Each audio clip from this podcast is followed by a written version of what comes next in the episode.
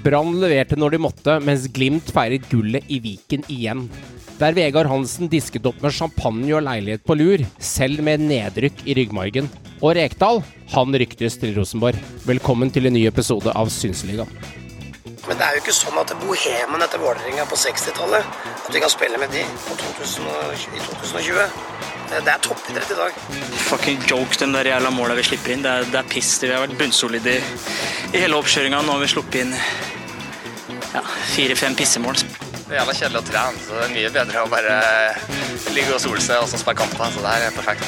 I wanted to wish you happy birthday, but it was already going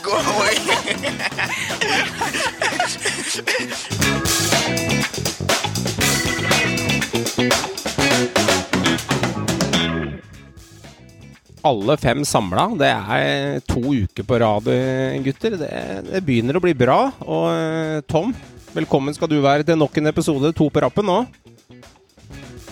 Ja, det, ellers hadde det jo blitt 5. mars, regner jeg med. Ja, Det er deilig å ha deg med, i hvert fall. Det er når det begynner å knytte seg til. Vi har med litt eh, ekspertise her. Eh, Hvordan eh, opplevde du siste serierunde samlet, eh, Tom? Sånn som, eh, sånn som du så det? Jeg satt på Åråsen og jobba for Romerikes Blad, og så hadde jeg eh, en eh, Eurosport-sending på telefon og eh, switcha mellom eh, de viktige kampene utenom, da. Eh, Brann osv.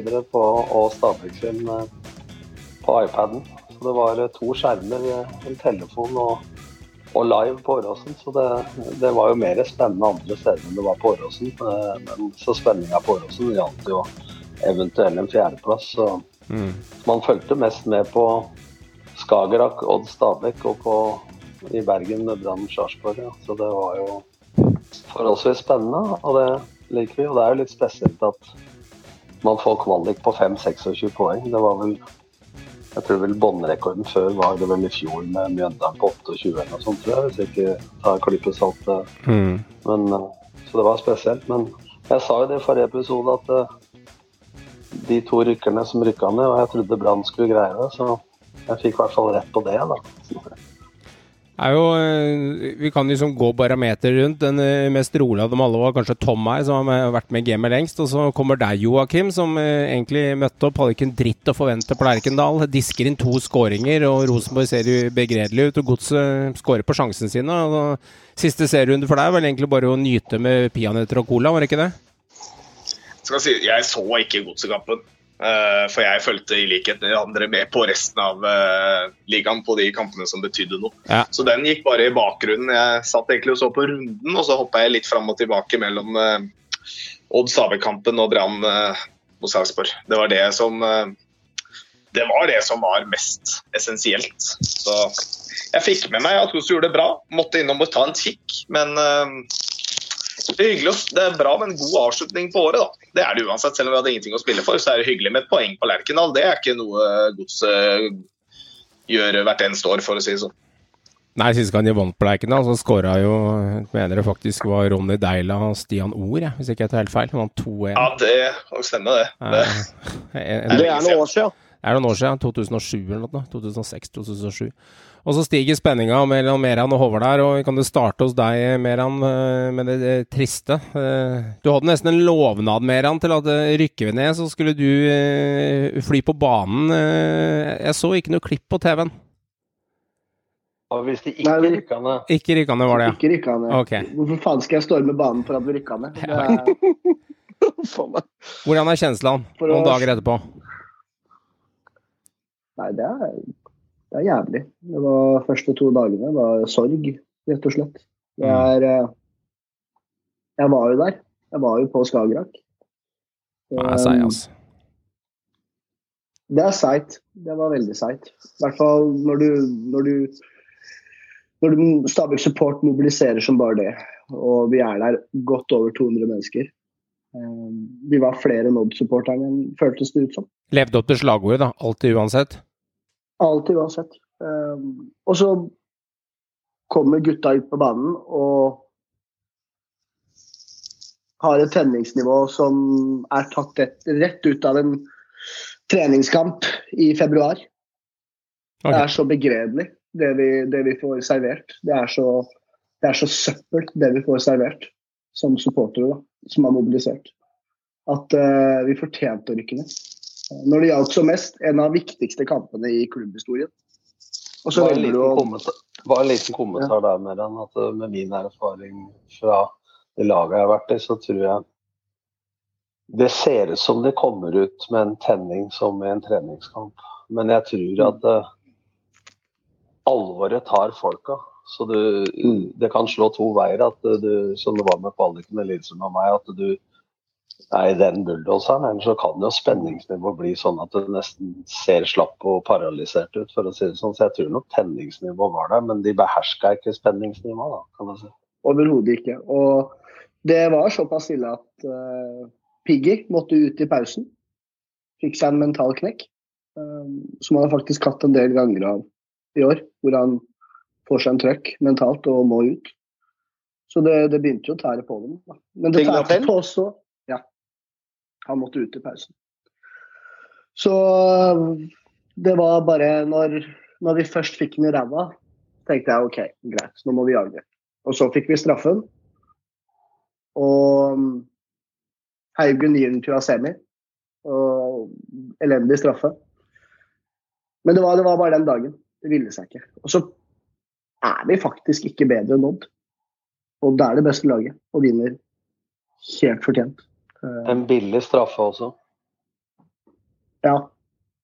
Faktisk. Det er vel ganske symptomatisk da for Asemi sin karriere i Stabæk, for å si det litt stygt. Eh, det er det, altså.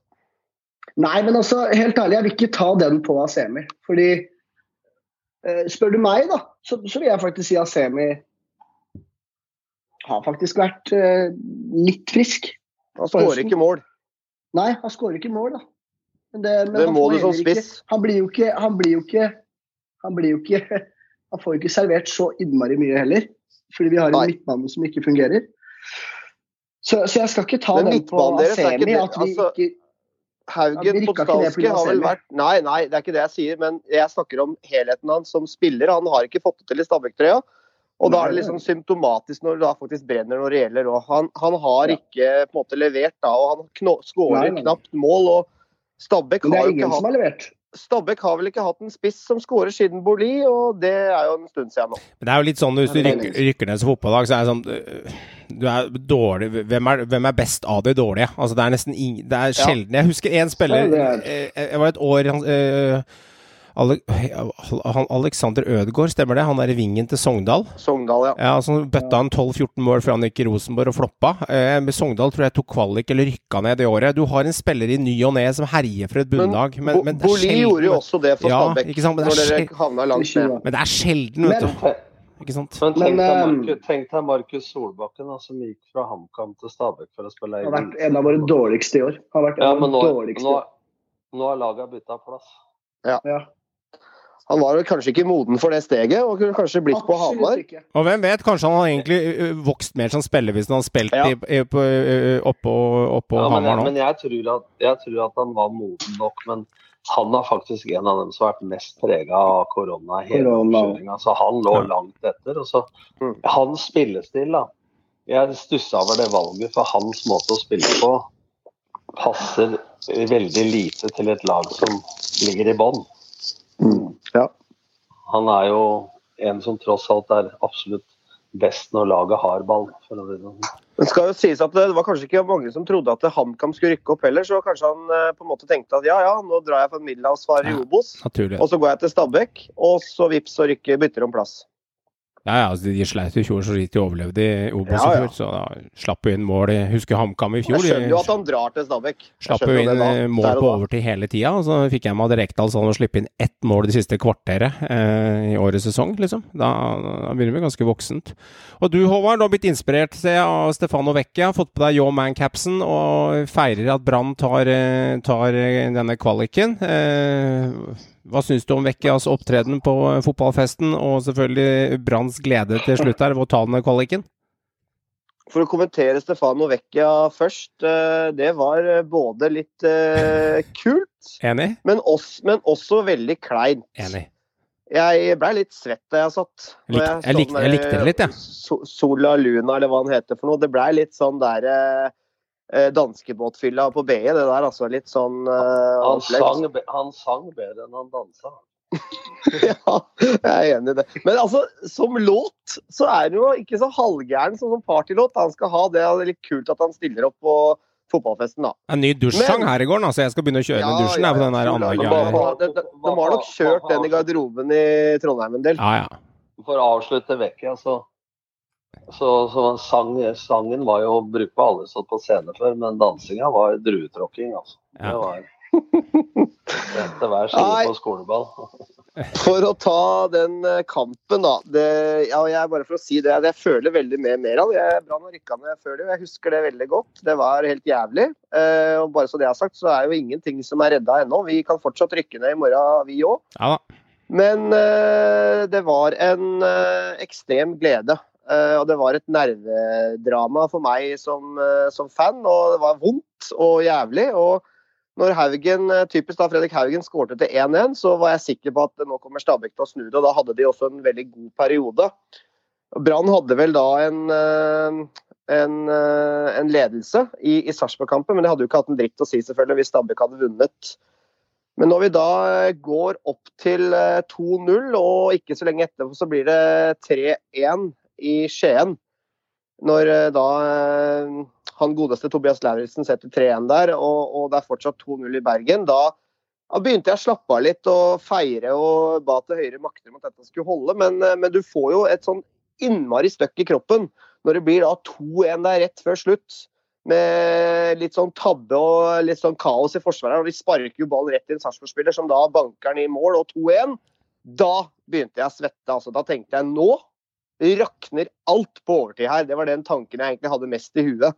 Så det var bare utrolig lettelse eh, når dommeren blåste og vi hadde klart det. og Jeg må si jeg må hylle gutta litt. Det har vært en utrolig tung sesong, men de har klart å snu det helt på slutten og karet seg den kvaliken med poeng i Bodø og seier mot Sarp. og og det er et lag som ikke har vunnet på ti kamper, så eh, det må jeg bare være utrolig fornøyd med. Og all honnør til Hornland og, og gutta at de klarte, i hvert fall, eh, selv om de har driti seg ut i hele år, så klarte de når det gjaldt som mest. Og du fikk rett i spådommen, Tom, at Brann tok kvalik. Eh, så det var, eh, det var jeg veldig veldig fornøyd med. Og så skjønner jeg veldig eh, godt at det er jævlig kjipt for Meran og at Stabæk rykker ned. Men vi var jo veldig sånn tidligere, eh, alle sammen i panelet er ganske sikre på at eh, vi syns jo Brann var det beste laget av dem som var i bånn, men så greide de ikke å vippe de jevne kampene til sin favør. For det har jo tross alt sett mye bedre ut etter Horneland tok over, da. Eh, og de gjorde noen opprenskinger i stallen der, så så jeg må jo si at det rent sånn sportslig sett eh, og publikumsmessig at håpa på at eh, Brann skulle, skulle greie det, sånn sett. Men, men det er ikke noe walk in the park mot Jerv heller. Men nå har, nå har det vært straffepunkt da, eh, for, eh, og ekstraomganger for, for Jerv. Så de har litt mer i beina enn Brann, og så får vi se om det har noen betydning i det hele tatt. Og så blir det jo bare 600 på tribunen. Brann får 400 av de billettene. Det, det har jo i hvert fall litt å si. eh, At det er litt flere Brann-fans der. En, det kommer jo til å bli stille Altså det kommer til å bli stille, men det kommer til å bli litt stusslig. Men at det hele tatt kommer litt fans på tribunen, og det er, må dere bare ta. Og så får vi prøve å gjennomføre den kampen best som mulig på kunstgresset da på Intility. Det er to gresslag da, som møtes nå. Uh, må bare også påpeke hvor gledelig det var å se David Møller Wolfe og Aune Heggebø, da, to lokale gutter som på mange måter blir helter. da, Med, med Wolfe med både assist og scoring, og, og Heggebø som virkelig har stått foran, gått foran nå i høst. Har, eh, det var ingen som trodde at han skulle på en måte ta den hansken. Altså, få trodde i hvert fall det. og Det har ikke blitt veldig mye mål, men han har, vært, han har vært avgjørende for at vi har klart oss å ta den kvaliken. altså, faktisk. Den jobben han har gjort på topp. og og Deilig å se at Molfe også lykkes, for det har vært eh, ganske tynn suppe før i år.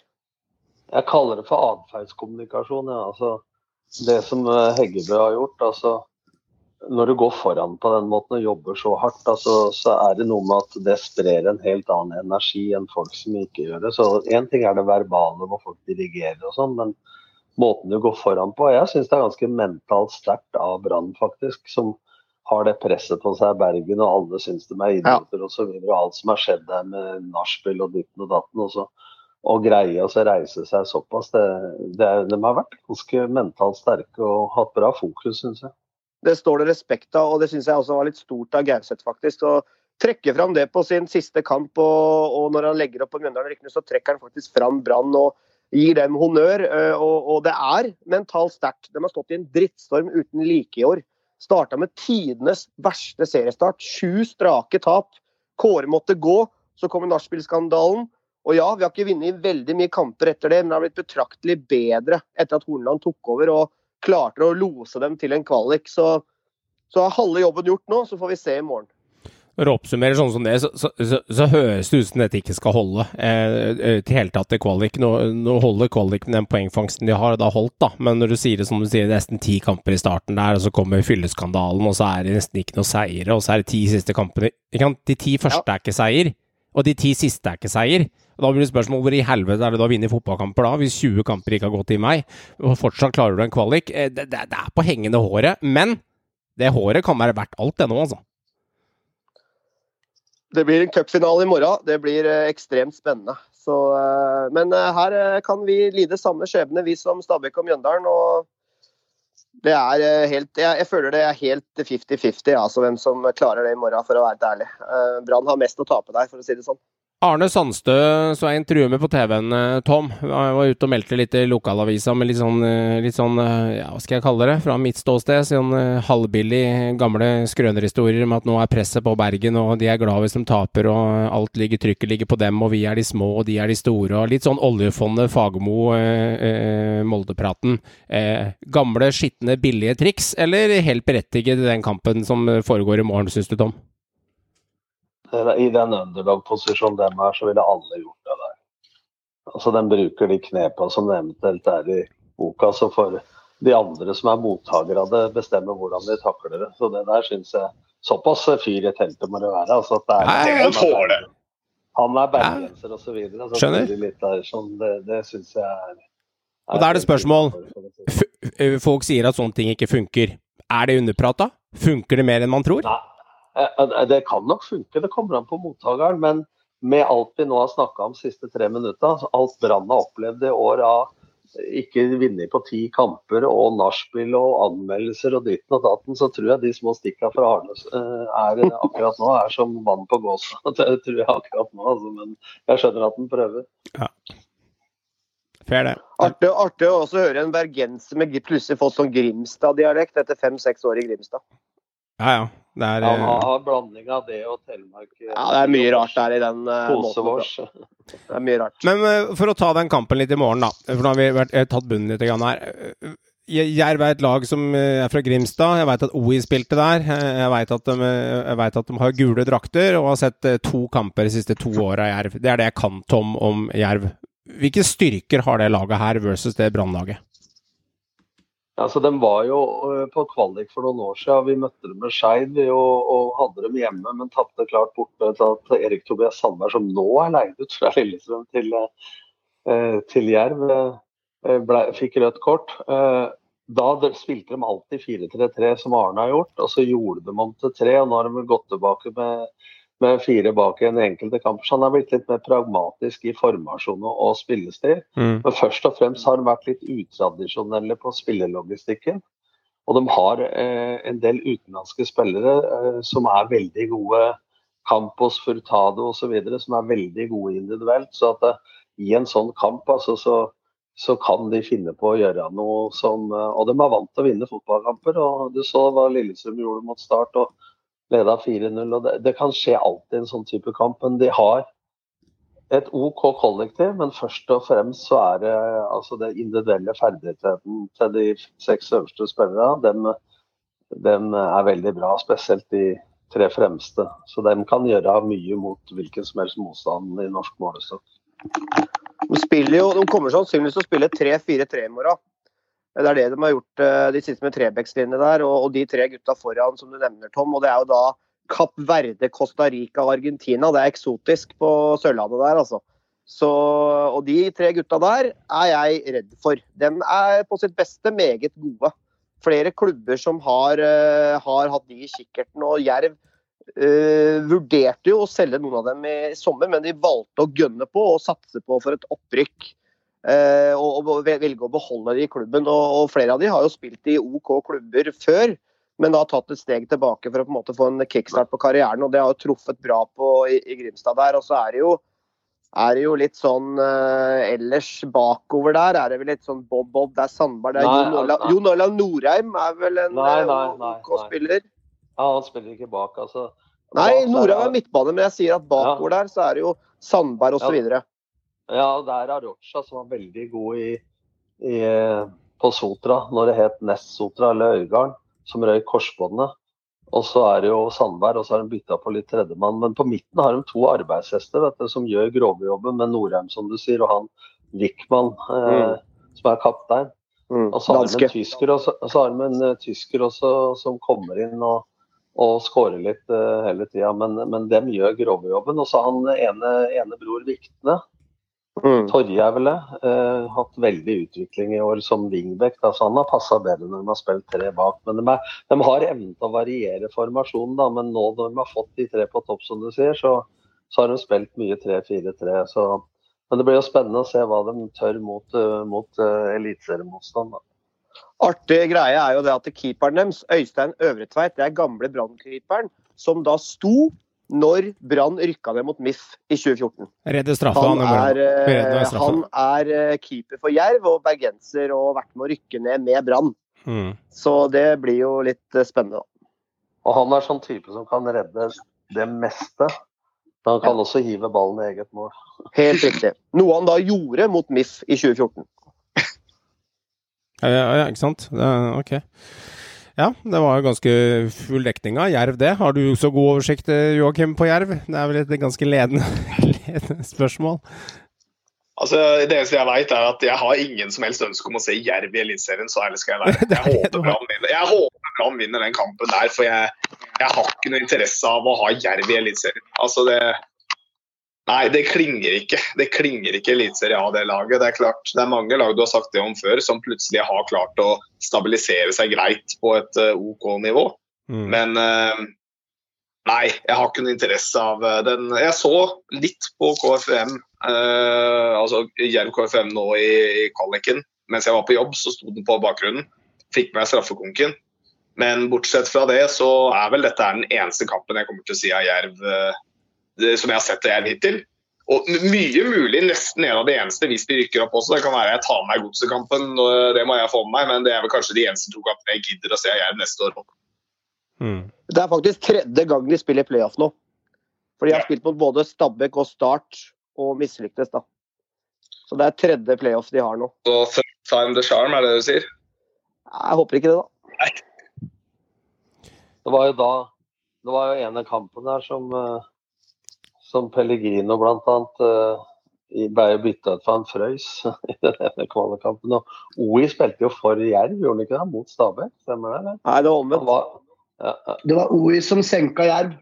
To ja, mål på slutten. en sammen. han kom fra Jerv det, ja. det året. Ja. Skal vi spå den matchen der, eh, gutter? Hva tenker vi? Jeg tror Brann vinner. Jeg tror det, og jeg håper det. Men jeg tror, jeg tror Brann vinner den kampen. Det, det tror jeg.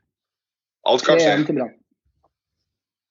De greier å slippe seg løs. og ikke nå.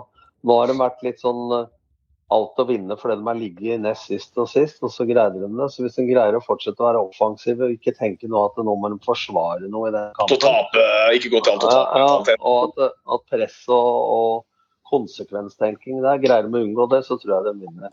Men uh, ja, det kan skje hva som helst. Men uh, men der tror jeg Horneland er en god mann å ha. Jeg tror Horneland er en god mann inn i en sånn kamp. Ja, han, er så, ja. han er jo såpass rolig og balansert type. Jeg tror han klarer å holde spillergruppa ganske greit samla. Han er, veldig rolig, han er veldig rolig, tror jeg, i garderoben. Men han er jo kanskje en av dem som roper mest og spytter mest. og plystrer! Og plystrer jævlig mye. Så, han ser jo litt sånn Han ser, han ser litt sånn der, eh, manisk ut når han flyr der og peker og spytter. Og, han ser jo litt sånn ekstrem ut.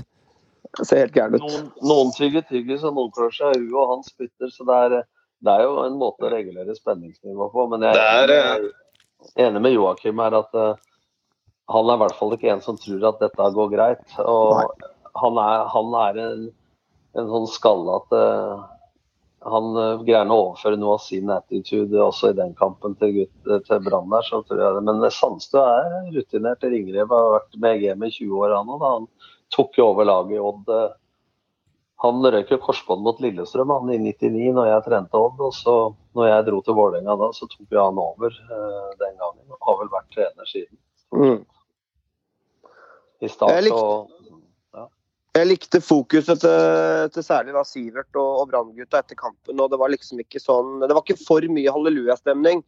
Halve jobben er gjort, og, og, på en måte ikke vits i å spore av her. Eh, her må vi på en måte holde fokus. og det, det, det, det likte jeg å se, at, eh, at, det virker som de på en måte er fokusert og veldig, veldig klare for oppgaven som, som venter. Da. Så får vi se om de klarer å holde huet kaldt.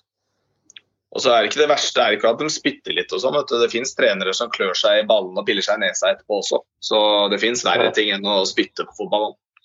Ja. Og dem er til og med verdensmestere. Dem er til og med verdensmestere og alt mulig annet. Kan tenke deg. Ja, det er sant. Jeg har sett de klippa der, ja. Jeg satt og så på den uh, fotballkampen uh, for litt siden. En ukes tid tilbake så satt jeg og uh, så igjen Start Lillestrøm. de sjuke minuttene i den der tidenes kamp, Tom. Men, men, men ja, eh, angående det å være rolig på benken Altså, Du er jo ganske rolig du, Tom, for å switche temaet litt opp på det. for det, det, var litt filming inn på deg også når dere gikk opp til 3-0 og kom redusering der med Ramsland litt forskjellig. Men, men, du er ikke ekstremt rolig nesten uansett i alle de situasjonene. Du ser ikke så veldig gæren ut du, egentlig, sånn som jeg kjenner deg. Du, det er ikke så lett å lese om dere ligger under eller om dere leder, hvis jeg ikke hadde visst det. Nei, men det er bra noen observerer det. For jeg har vel fire ganger i min karriere jubla når vi har skåret. Jeg pleier å gjøre bare sånn kort opp og ned. Ja. Uh, og jeg jubla, gjorde litt knyttneve på 4-0, men jeg prøvde å få kontakt med spørrere. Så når det ble 4-0, så løp jo hele støtteapparatet og benken ut på banen. Og det sto en én da rolig på sida der, ja. Det, det, var meg. For jeg har lært meg at det lønner seg å lede til slutt. ja, det syns du ikke er helt rolig. Ja, og det gjorde vi med ett mål for lite. Så har jeg vært i en situasjon der, da, hvis du begynner å bla i tidenes kamp og Sogndal, Vålerenga, Viking, Brann osv., så, videre, så har jeg vært med på det noen ganger til å ta av helt for dem vi, skårer mål. Så jeg tror, tror det er ålreit å holde roen. Jeg tror å være engasjert eh, Du må velge dine fighter og dine situasjoner du skal være i, da, men det er jo nervøsitet det også, en form for det. Men det gjelder jo å holde huet kaldt. Da, og det, jeg har sett det klippet sjøl, så jeg var akkurat så rolig som det jeg følte, følte da også.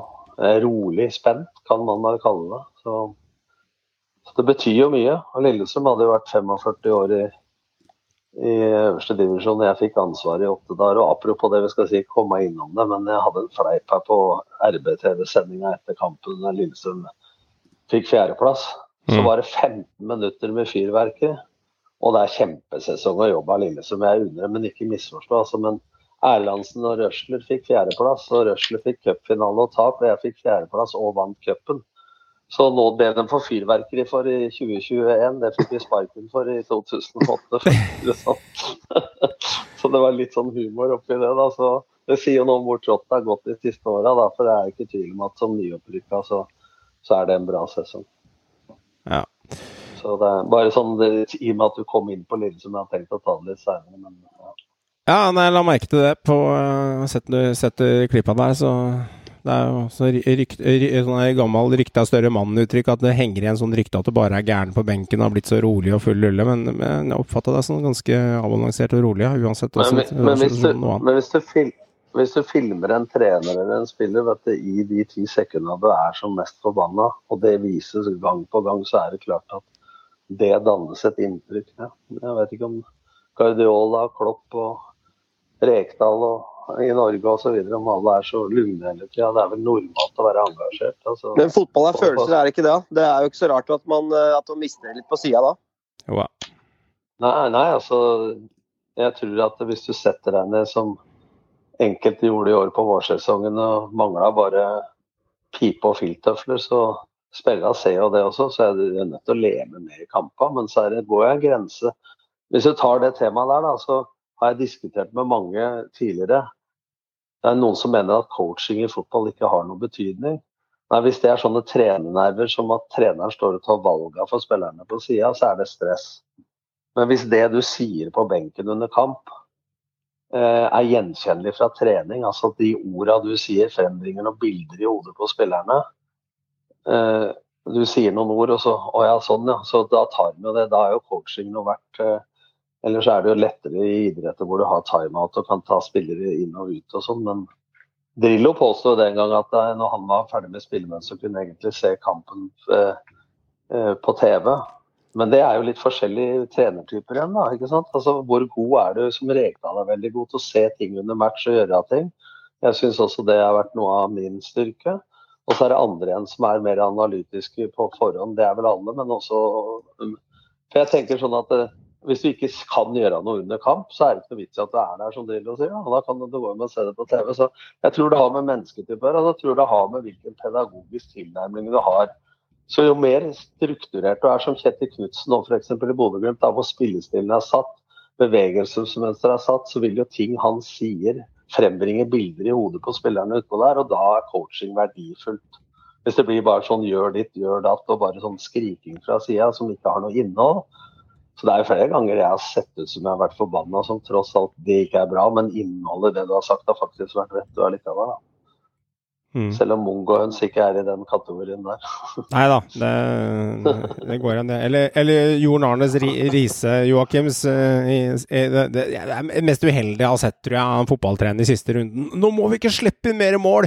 Her mål gjelder målforskjellen! Jeg vet ikke om du fikk med deg den siste, siste episoden der? Ja. Jo, jeg den siste episoden der. Det Jeg vet ikke, det, jeg, altså, jeg mener jo at det er et godt eksempel. Coaching gone real bad. Ja, da, fordi, altså, du, Han setter jo griller i huet til hele gjengen på banen. Bare ikke slipp inn nå, hva faen gjør vi nå? Men uh, jeg vil mye heller ha engasjement fra sidelinja enn, enn en trener som bare sitter med beina i kors og holder kjeft hele kampen. Altså. Ja da, jeg, jeg, ser den, men, men noen ganger er det lov til å fortelle at det, uh, En Skullerud. En, ja, Lars Lagerbäck, for eksempel. man som han sovna på kamp det er hva du sier, da. for at det, Når du sier vi må ikke slippe inn mål, så er det typisk eh, nerver. For det blir samme som du sier til ungarene, ikke dett i trappa. Det eneste de husker er dett i trappa. Si heller gå forsiktig. Men du må huske det også når de lager en sånn TV-serie, da. Så klipper de det akkurat sånn at de For at det, på det trenerkurset som Jon Arne hadde, og jeg kjenner sensoren på A-lisenskurset, så var den eh, den klart beste. Så det er klart at eh, yes. det vil jo vinkle alle har jo sånne raptuser som han hadde der. Det har Guardiola, det har Klopp og det har ditten og datten. Men hvis det er klart det gjentas noen ganger, som Johan sa riktig til å begynne med, så settes jo folk i bås. Janne Jønsson, eh, pappaen til Meran her, som han kalte den, eller farfar, eller hva han kalte den. Farfar Janne. For å være så jævlig, gikk jo for å være den lundeste på, på jord. Jeg, jeg har sett han altså, mot Sogndal i cupen tatt en spiller sånn i, i, brystkassa i jakka og heva han over huet. Og da var det sånn at endelig var Janne engasjert, liksom. Altså, så jeg tror du må følge med folk ganske mye. for oss De fleste har jo følelser, som Håvard sier her, når det er på benken. Hvis ikke så er det jo ikke mennesker. Ja, ja, og, og, da er du robot, da. Og, det, og det, det, kan godt hende at han var en bedre i det kullet av de 12, 14, 17 eller 25 som møtte opp der og gjorde jobben. Og ingen dumskaller som møter opp der. Han kan ha skolesmart på det. Bare når jeg så hele den serien der, så var det sånn ja, Da tenkte jeg når jeg var ferdig med å se den det er jo ikke rart det rykka ned. Altså, nivå her Altså, jeg skjønner spiller og nivå og alt, men jeg syns at det var ganske stusslig, da. Ja, altså, for å si det sånn da, Hvem trenere kommer godt ut av sånne serier, når du ser alle gutta med Mjøndalen og den Ja, Da syns jeg Vegard Hansen kom ganske ja, det, er, det, er, samme virkemidlene da, som blir klippa der. Ja da, det er, mye av det samme. og smelling og kommer gutta og trøkker til og sånne ting. Men, tro, men, men, men tror du han er tilfeldig at han rykka ned, Håvard? Eller tror du det har litt med trenerkvaliteten hans òg? Tror ikke det er bare med Riise sin trenerkvalitet på at det Flint-laget rykka ned. Det er også ganske tilfeldigheter, faktisk, når du så hvor tett det var der i bånn der. og ja. Jeg tror ikke det er bare for at Riise er en dårlig trener for at Flint rykka ned, men la oss ikke snakke i hjel tredjedivisjon, da. Nei, da. Nei, men, da men, men, men nå snakka med Vegard Hansen, altså. Jeg har jo snakka med han, jeg, og flere har sagt at det, det, det, er litt fin øvelse å se seg sjøl utenfra noen ganger. For det er noen ganger vi tror ja. vi er hissige og tror vi er rolig. Som, så Kona mi pekte på skjermen en gang, du sa det var rolig, se der. Oi. ikke sant? Altså, så Vegard tok jo tak i det etter den TV-serien han fant. Ja. Fikk jo noen sånne aha-opplevelser, han også. En ting er hva du ønsker å formidle, en annen ting er jo hvordan det oppfattes av dem du formidler til. Mm. Ikke sant? Altså, og det kan være en fin øvelse å se det utenfra, men det er få som kommer godt ut. Og jeg er ikke enig i det, Johan, at det, eh, han kom så godt ut av det. For han, ja, han tok tak i det. Men det var underholdende og sånn. Men at det pedagogisk kom så godt ut av det, det er jeg ikke enig i. Men det er ikke de TV-seriene lagd for heller, som noen Nei. sier her. Da. Det, det er lagd for de følelsene, både de høye berg og dype daler, for å si det sånn. Det, når man er normal midt imellom, som det er 80% av tida, så er ikke det så spennende TV. for å si det sånn. Slutter ikke å filme når riset klikker. Da kjører du på, så er det høydepunktet på episoden. Men når han er eh, rolig og avbalansert, da er det ikke så mye TV-tid. Så det er jo sånn det er, det. Ja da, det, ser den. Det er sånn det er. Jeg var, for, jeg, har, jeg var ikke mye imponert. Jeg har et, jeg har ett eksempel. Det var han Del Bosque. Som, eh, jeg så jo han eh, når jeg kommenterte VM Vi sendte. eh, for, eh, på, i Brasil. Og det ene mesterskapet så var dem dritgode. ikke sant? Han var rolig og fikk så skryt for at han var så lugn og sånn. Og så begynte han tapte vel 5-0 i en kamp osv. Og, så videre, og så fulgte med da. Så, så var farfar oppe av stresslesen da. Og, så, og skal jeg si deg at det, det spanske temperamentet kom til syne da. Så, så det, du trenger ikke å mase så jævlig hvis du leder 4-0 hele tida. Bortsett fra hvis du trener Lillestrøm i kvalik. Ja, da, da må du masse. Gutter, vi har noen som skårer enormt med mål i denne ligaen her. og I fjor så hadde vi folk som skåra mye mål. Året før hadde vi det, og for tre år siden hadde vi det. og For fire år siden så nådde så vidt 15 skåringer fra eliteserietoppskårer. Men nå i år har vi tre stykker over 20. Eh, Veton, Oi og eh, litt overraskelse fra sida, eh, Lene Olsen. Har ikke en kjeft som satt huslånet kjerring og unger på at han skulle skåre 26 kasser i år. Det tror jeg ikke. I så fall er du bitcoin-millionær i verdensklasse hvis du har klart å tippe inn det tallet. Men 75 mål har disse tre gutta bøtta. Smak på det tallet. Det som er kult, er at uh, alle tre er norske. Mm. Og så jeg at han skal altså, jeg så sier ikke at Lene skulle skåre 26, men jeg var i studio såpass mye at eh, i fjor i Obos så var ofte Lene Olsen én mot to eller tre stoppere, for det var veldig lite bevegelse fra kanter og indreløpere rundt den. Og det var flere som sa da at de tror faktisk at det kommer til å skåre flere mål i Eliteserien, hvor ikke alle lagene parkerer eh, bussen. Men så har veit jeg at Petter Myhre og Geir Bakka jobba veldig med med Lene Olsen. For hvis du så den i fjor, når innlegget kom, så var allerede Lene Olsen foran første stolpe. Hvis du ser den i år nå, så har han skåret med venstre, høyre, vold i huet osv. Så, videre. så ser du ofte at han tar løpet, stopper opp, rygger en meter eller tar han et buløp på bakre. Han har vært mye smartere inne i boksen. Og så har jo Gjermund Aasen Jeg vet ikke mange av de Det er jo ikke noen i Lille som har skåret over tre mål utenom Lene. Da, så jeg regner med at av de tolv assista som er mest assist i Eliteserien fra Gjermund Aasen, så er vel sikkert ti av dem til, til Lene Olsen, for å si det sånn. Så, Og de hadde jo en veldig sånn uh, god kjemi fra Tromsø-tida også, de der. Men det er ganske kult at det er tre norske. da. I fjor Ja. var det 27 på Junker og 25 på Pellegrino. I år er det 27 og 26. Så Ja, og tre år siden var Leke-James, ikke sant, så du har alltid en sånn som blander seg inn der. Men han var jo aleine med keeper to ganger, og den ene er offside, den andre er onside, den han scorer på og Lene der. Så, så det er klart at dette var jevnt. Men alle de tre har jo vært markante for sine lag i år. Og jeg må jo si det at eh, Viking tar bronse og Lillestrøm tar fjerde. så beste, Det er jo bedre prestasjon å skåre mye til dårligere lag her da, på tabellen, men nå er vi jo nummer to, tre og fire, da, så det er forholdsvis tight der opp. Men hvis du ser på antall skåra mål, så er vel Molde en del bedre. Skal jo også ta fram, eh, Nå har vi jo trukket fram eh, disse her, men ta Oi, da, han har jo ikke vært i nærheten av å skåre så mye mål. Han hadde jo eh, en ganske svak sesong i fjor, faktisk. Eh, Jeg tror, jeg tror han så vidt passerte 10, altså 10-12 mål, tror jeg det var. Mm. Eh, Så har han vel hatt 15 eh, som det beste før det her. Og nå smadrer han da den, eh, 17, den 17 som hans beste. 17 og som, ok. Men uansett, da. Ti mål bedre, da.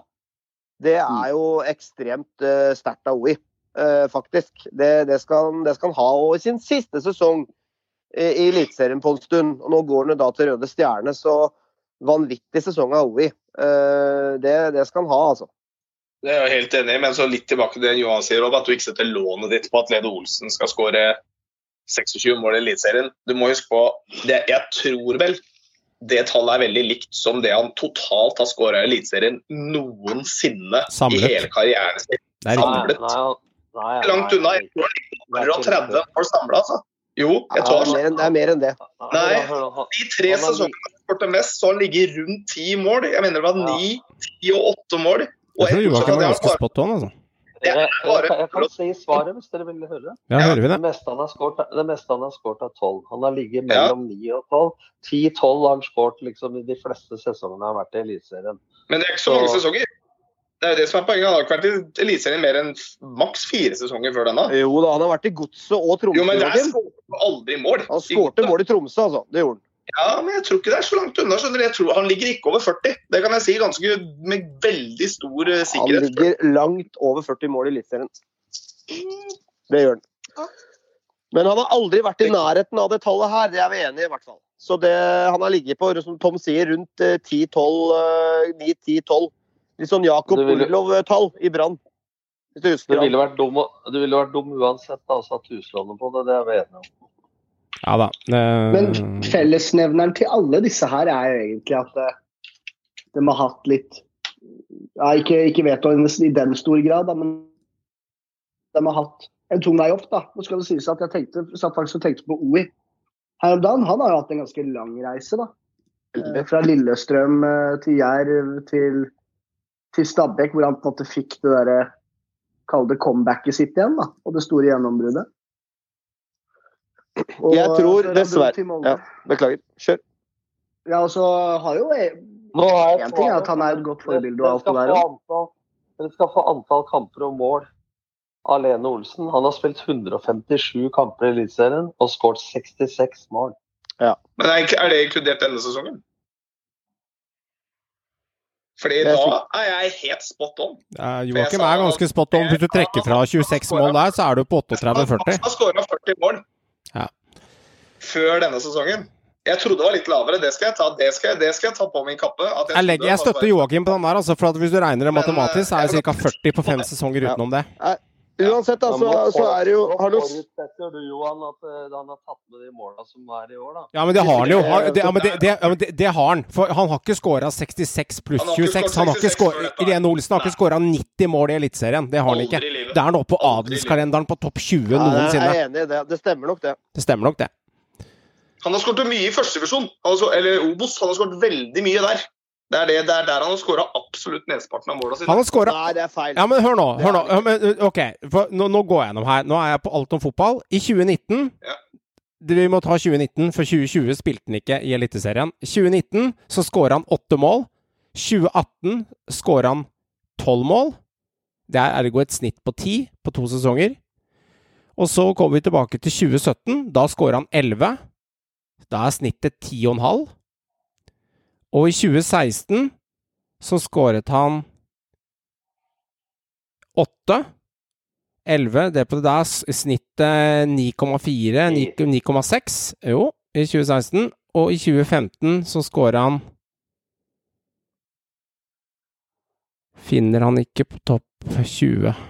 Han skårte bare ett mål for Godset, han spilte på Godset til 2015. Ja, riktig. Ergo, han har da og, og 39 mål på fem sesonger, pluss de 26 måla. Da er vi på 65-66 mål. Og hvor mange mål var det du fant i statistikken, Tom? Han debuterte 24. mai 2013 med Strømskos og Ålesund. Ja, men da stemmer nok dette her. Han har et snitt på 9-10 mål i året, og han har skåra tresifra, liksom, så det er ganske sterkt, det, det han har levert. Og, som, og som 30-åring. Det gjør prestasjonen enda større, eh, men det er mot nordmann, som Leif Juster ville sagt. Det er det.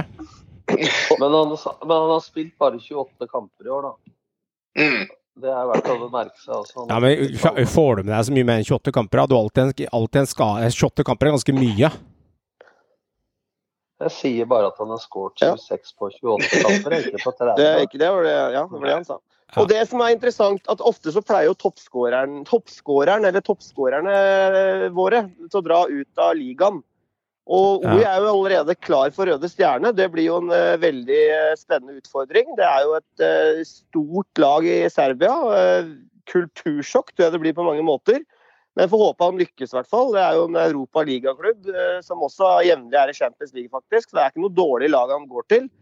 Men uh, Lene Olsen linkes jo nå sterkt til Asia, og da både sørkoreansk og japansk fotball. og jeg tenker jo at Når du er i den alderen han er i nå, 30 år, uh, kan få seg et eventyr i utlandet. Det tror jeg han fort tar da, hvis Lillestrøm får noen millioner for han. Det blir jævlig hardt der i starten, Men de er jo henta Akor Adams fra Sogndal. Og jeg tror at Lene absolutt får den muligheten nå, hvis det rette tilbudet kommer. Da tror jeg han også forsvinner. Og det kan godt være at Veton også, i en alder av 27-28 nå, er gira på et eventyr ut. Så han tror jeg også, selv om han er eh, virkelig ledestjerne i Stavanger, så tror jeg at han kan bli frista av å dra f.eks. til Tyrkia eller et eller annet sånt hvis det kommer et tilbud på, på trappene der. Ja, det er helt klart. Helt klart uh, mulig. Det er, den spilleren som har imponert meg mest der, som jeg, jeg er mest svak for av de, selv om de andre er bedre, er Veton Berisha, faktisk.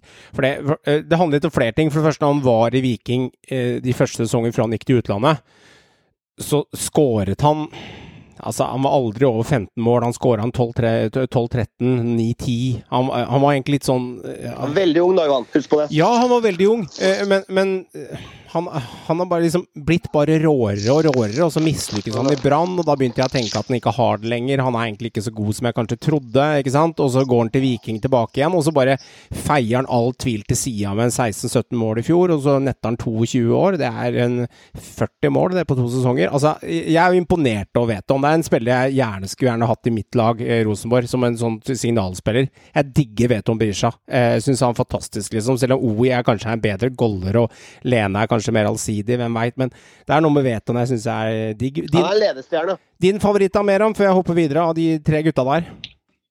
Um, både min og Cole Grossman sin favoritt er OI. Cole Grossman, stakkars mann. Ja. det er greit. Nei, jeg måtte bare dra inn Jeg måtte bare sende et lille siste stikk før OI drar. At vi må aldri glemme Men, Cole Grossman. Men uansett, jeg hadde valgt OI 100 dager i uka. Men jeg tror faktisk på på 157 kamper så har faktisk Thomas Lene bare spilt 2537 minutter. Det er vel nesten bare 28 minutter i snitt per kamp, hvis du fordeler på alle eliteserier. Dette her er nerding på høyt nivå. Ja, men 66 mål da, det er ganske bra, da, hvis du ser på antall spilleminutter. Ja, Hvis statistikken stemmer, så er det ganske voldsomt. Men hvor mange ganger har han vært i offside? morsom, morsom. Han var, jo, han var en klassisk offside-spiller før, men han er ikke det ja. lenger nå. Han, var, han har skjerpa seg veldig der, altså. Det, men det er vel som Joakim sier, han spilte vel ikke så mye hele kamper og sånn i godset. Nei, Nei fikk sånn fire minutter der, eh, tolv minutter der. Men for, men for Lene så er det enten LSK videre eller utlandet. Altså, han kommer ikke til å gå til noen annen norsk klubb, det er jeg veldig sikker på. Jeg tror han blir i LSK. Men litt sånn Det sto i, Romerikes Blad i dag at han uh, var så glad i LSK at uh, det kunne se at han skrev under lengre kontrakt for dem. Eh, og det måtte komme et meget lukrativt tilbud på bordet hvis han skulle gå. Så der, det lukter vel sånn Asia eller LSK. Ja, det blir spennende. Og så er det jo en gang sånn da, at uh, det er liksom magien i fotball. da, altså Går vi på assist-statistikken her, så Gjermund Aasen, gutter, han uh, vinner assist-statistikken med tolv assist. Og eh, Wolf Eikrem, som i mitt hode har vært anonym nesten i 2021, han er oppe på ni og er nummer to. Og så har du Wonderboyen eh, Ola Brynildsen, eh, også på ni, som har hatt en strålende sesong. Men det er litt ironisk, da. Stempla udugelig i Trondheim og ender som, eh, akkurat som han gjorde i Tromsø for tre-fire sesonger siden, nettopp det, som Assis-konge. Mm. Det er imponerende sesong Aasen har hatt som ja, servitør og tilrettelegger, og ikke minst innpisker i garderobe og utafor banen. og virkelig vært en meget god signering. Og nå er hun permanent signert også fra Rosenborg. Det er en god signering av LSK. Ja, ja, Uten tvil. Det er en god signering, ja. Ja. 1,5 million på han da kan man vel kalle en god signering. Og i tillegg da hatt et års prøvetid, for å kalle det da, siden de erklærte at de skulle spille på Rosenborg 2. Yes. Ja, tenk på det. Og RBK ender da bak LSK på tabellen, bare for å nevne det òg. Ja, det er eh, ganske trist. Og det, vi kan jo ta litt om uh, Rosenborg, og um, det linkes jo uh, Kjetil Rekdal i disse dager. Nok å ta tak i der, ja. I Rosenborg. Ja, det er uh, Hvor skal vi starte? Skal vi blande oss i styret? Det, sjok det, det, sjokkerer meg. For det første sjokkerer meg én ting. Ja. Altså Når Åge har vært der nå, så har ikke Koteng uttalt seg omtrent. Når Åge er på vei ut nå, så er det Koteng som snakker. Og det er ikke, og det er ikke Dorsin som sportslig leder. Og, og det er, jeg veit ikke hva de ser etter, men hvis du har en kravspekk, da, både på faglighet og du har det på personlighet, så vil jeg vel si at uh, forskjellen på serberen og Kjetil Knutsen, det er vel som uh, Rødt og Frp, da. Og så har du vel da Rekdal som eh, også er ganske langt ifra Knutsen. Så, så, det er klart at hva er de ute etter i spillestil? Hva er de ute etter i ledelsesfilosofi? Hva er de ute etter i pedagogiske egenskaper? Hva er de ute etter i formidling på feltet? Og hva er de ute etter av kampledelse? Og det sjokkerer meg også at, i hvert fall sett utenfra, at at det er så spredning på, på dem. Jeg regner med at hvis du skal ha en formann i Arbeiderpartiet, så henter du ikke en fra Rødt og en fra Frp og en fra Arbeiderpartiet som kandidater. Det virker for meg altfor tilfeldig. Da. Jeg sier ikke at noen av dem er dårlige trenere, må ikke misforstå. men det, vi, misforstår, vi misforstår ikke. Du, du, ringer ikke til rørleggeren hvis det er snekkeren du trenger, og omvendt. Og det som er interessant det som er interessant, er jo det at Milos Milojevic det er jo da Mikki Doshin, sportslig leder sin mann. Eh, som han har da spilt inn til klubben, når de da har skjønt at det første valget Kjetil Knutsen han blir vanskelig å få tak i. Han har jo vært et soleklart førstevalg hele veien, det jo, har jo nesten bekrefta. Og ligger langflate etter han. Og alle solemerker signerer han ny kontrakt med Bodø-Glimt, og det spekuleres i 7-8 millioner i årslønn næringslivet i Bodø også er inne i bildet der og, og, og, og støtter opp under. Og da konkurrerer de jo med Rosenborg på, på, lønn, for jeg tror Rosenborg faktisk var villig til å legge det i potten også. Men eh, det er sjuke summer. Det er sjuke summer. Ja, og, og, bare for å lite innspill det er en Bodø-Glimt. Altså de, det var en klubb som var på eh, konkursens rand for fem-seks år siden. Nå skal de diske opp sju-åtte millioner. Rosenborg har vært med og pusha lønningene her, for å si det sånn. Det, det må være tidenes beste lønn for en norsk trener i Eliteserien. Men eh, ja, er jo ja, men nå ja, men det med lønn Jeg veit hva lønnstilbudet var eh, i 2017, når Knutsen kom, for da var jeg aktuell. Det er ganske langt unna de sju millionene, for å si det sånn. Bare ja. som en digresjon. Ja. Da ser du at han har gjort sakene sine ganske OK etter at han kom og var sparka fra Åsane og kom som assistenttrener i Glimt. Men, men, poenget er da, med, er jo vingeklippa. Vingeklippa av styret. styret. Og, og, det er jo da Koteng-show for alle penga. Doshin han ser ut som han har gått i hi, i hule, gjennom vinteren. Eh, og han har jo ikke vært i media på år og dag, Doshin. Men det ryktes at han er jævlig forbanna for at Milos Milojevic da ikke fikk den jobben og ble sendt med halen mellom beina hjem til Stockholm. Og det som skjedde da, det var at han mista jobben i Hammarby. Og da, eh, fordi de syntes det var et stort overtramp. Han dro opp til Trondheim for å sannsynligvis signere kontrakt og ble sendt med halen mellom beina hjem igjen og mista da jobben i Hamarby. Og nå disker styret opp Kjetil Rekdal, og Eggen er inne i bildet. Gamlefar sjøl er inne i bildet. Prata med, med, Rekdal. Tok seg en liten rusletur opp til Orkdal, eller hvor Eggen, Eggen bor. Og, og prata med han, eh, han på sånn tjuvperm fra HamKam der.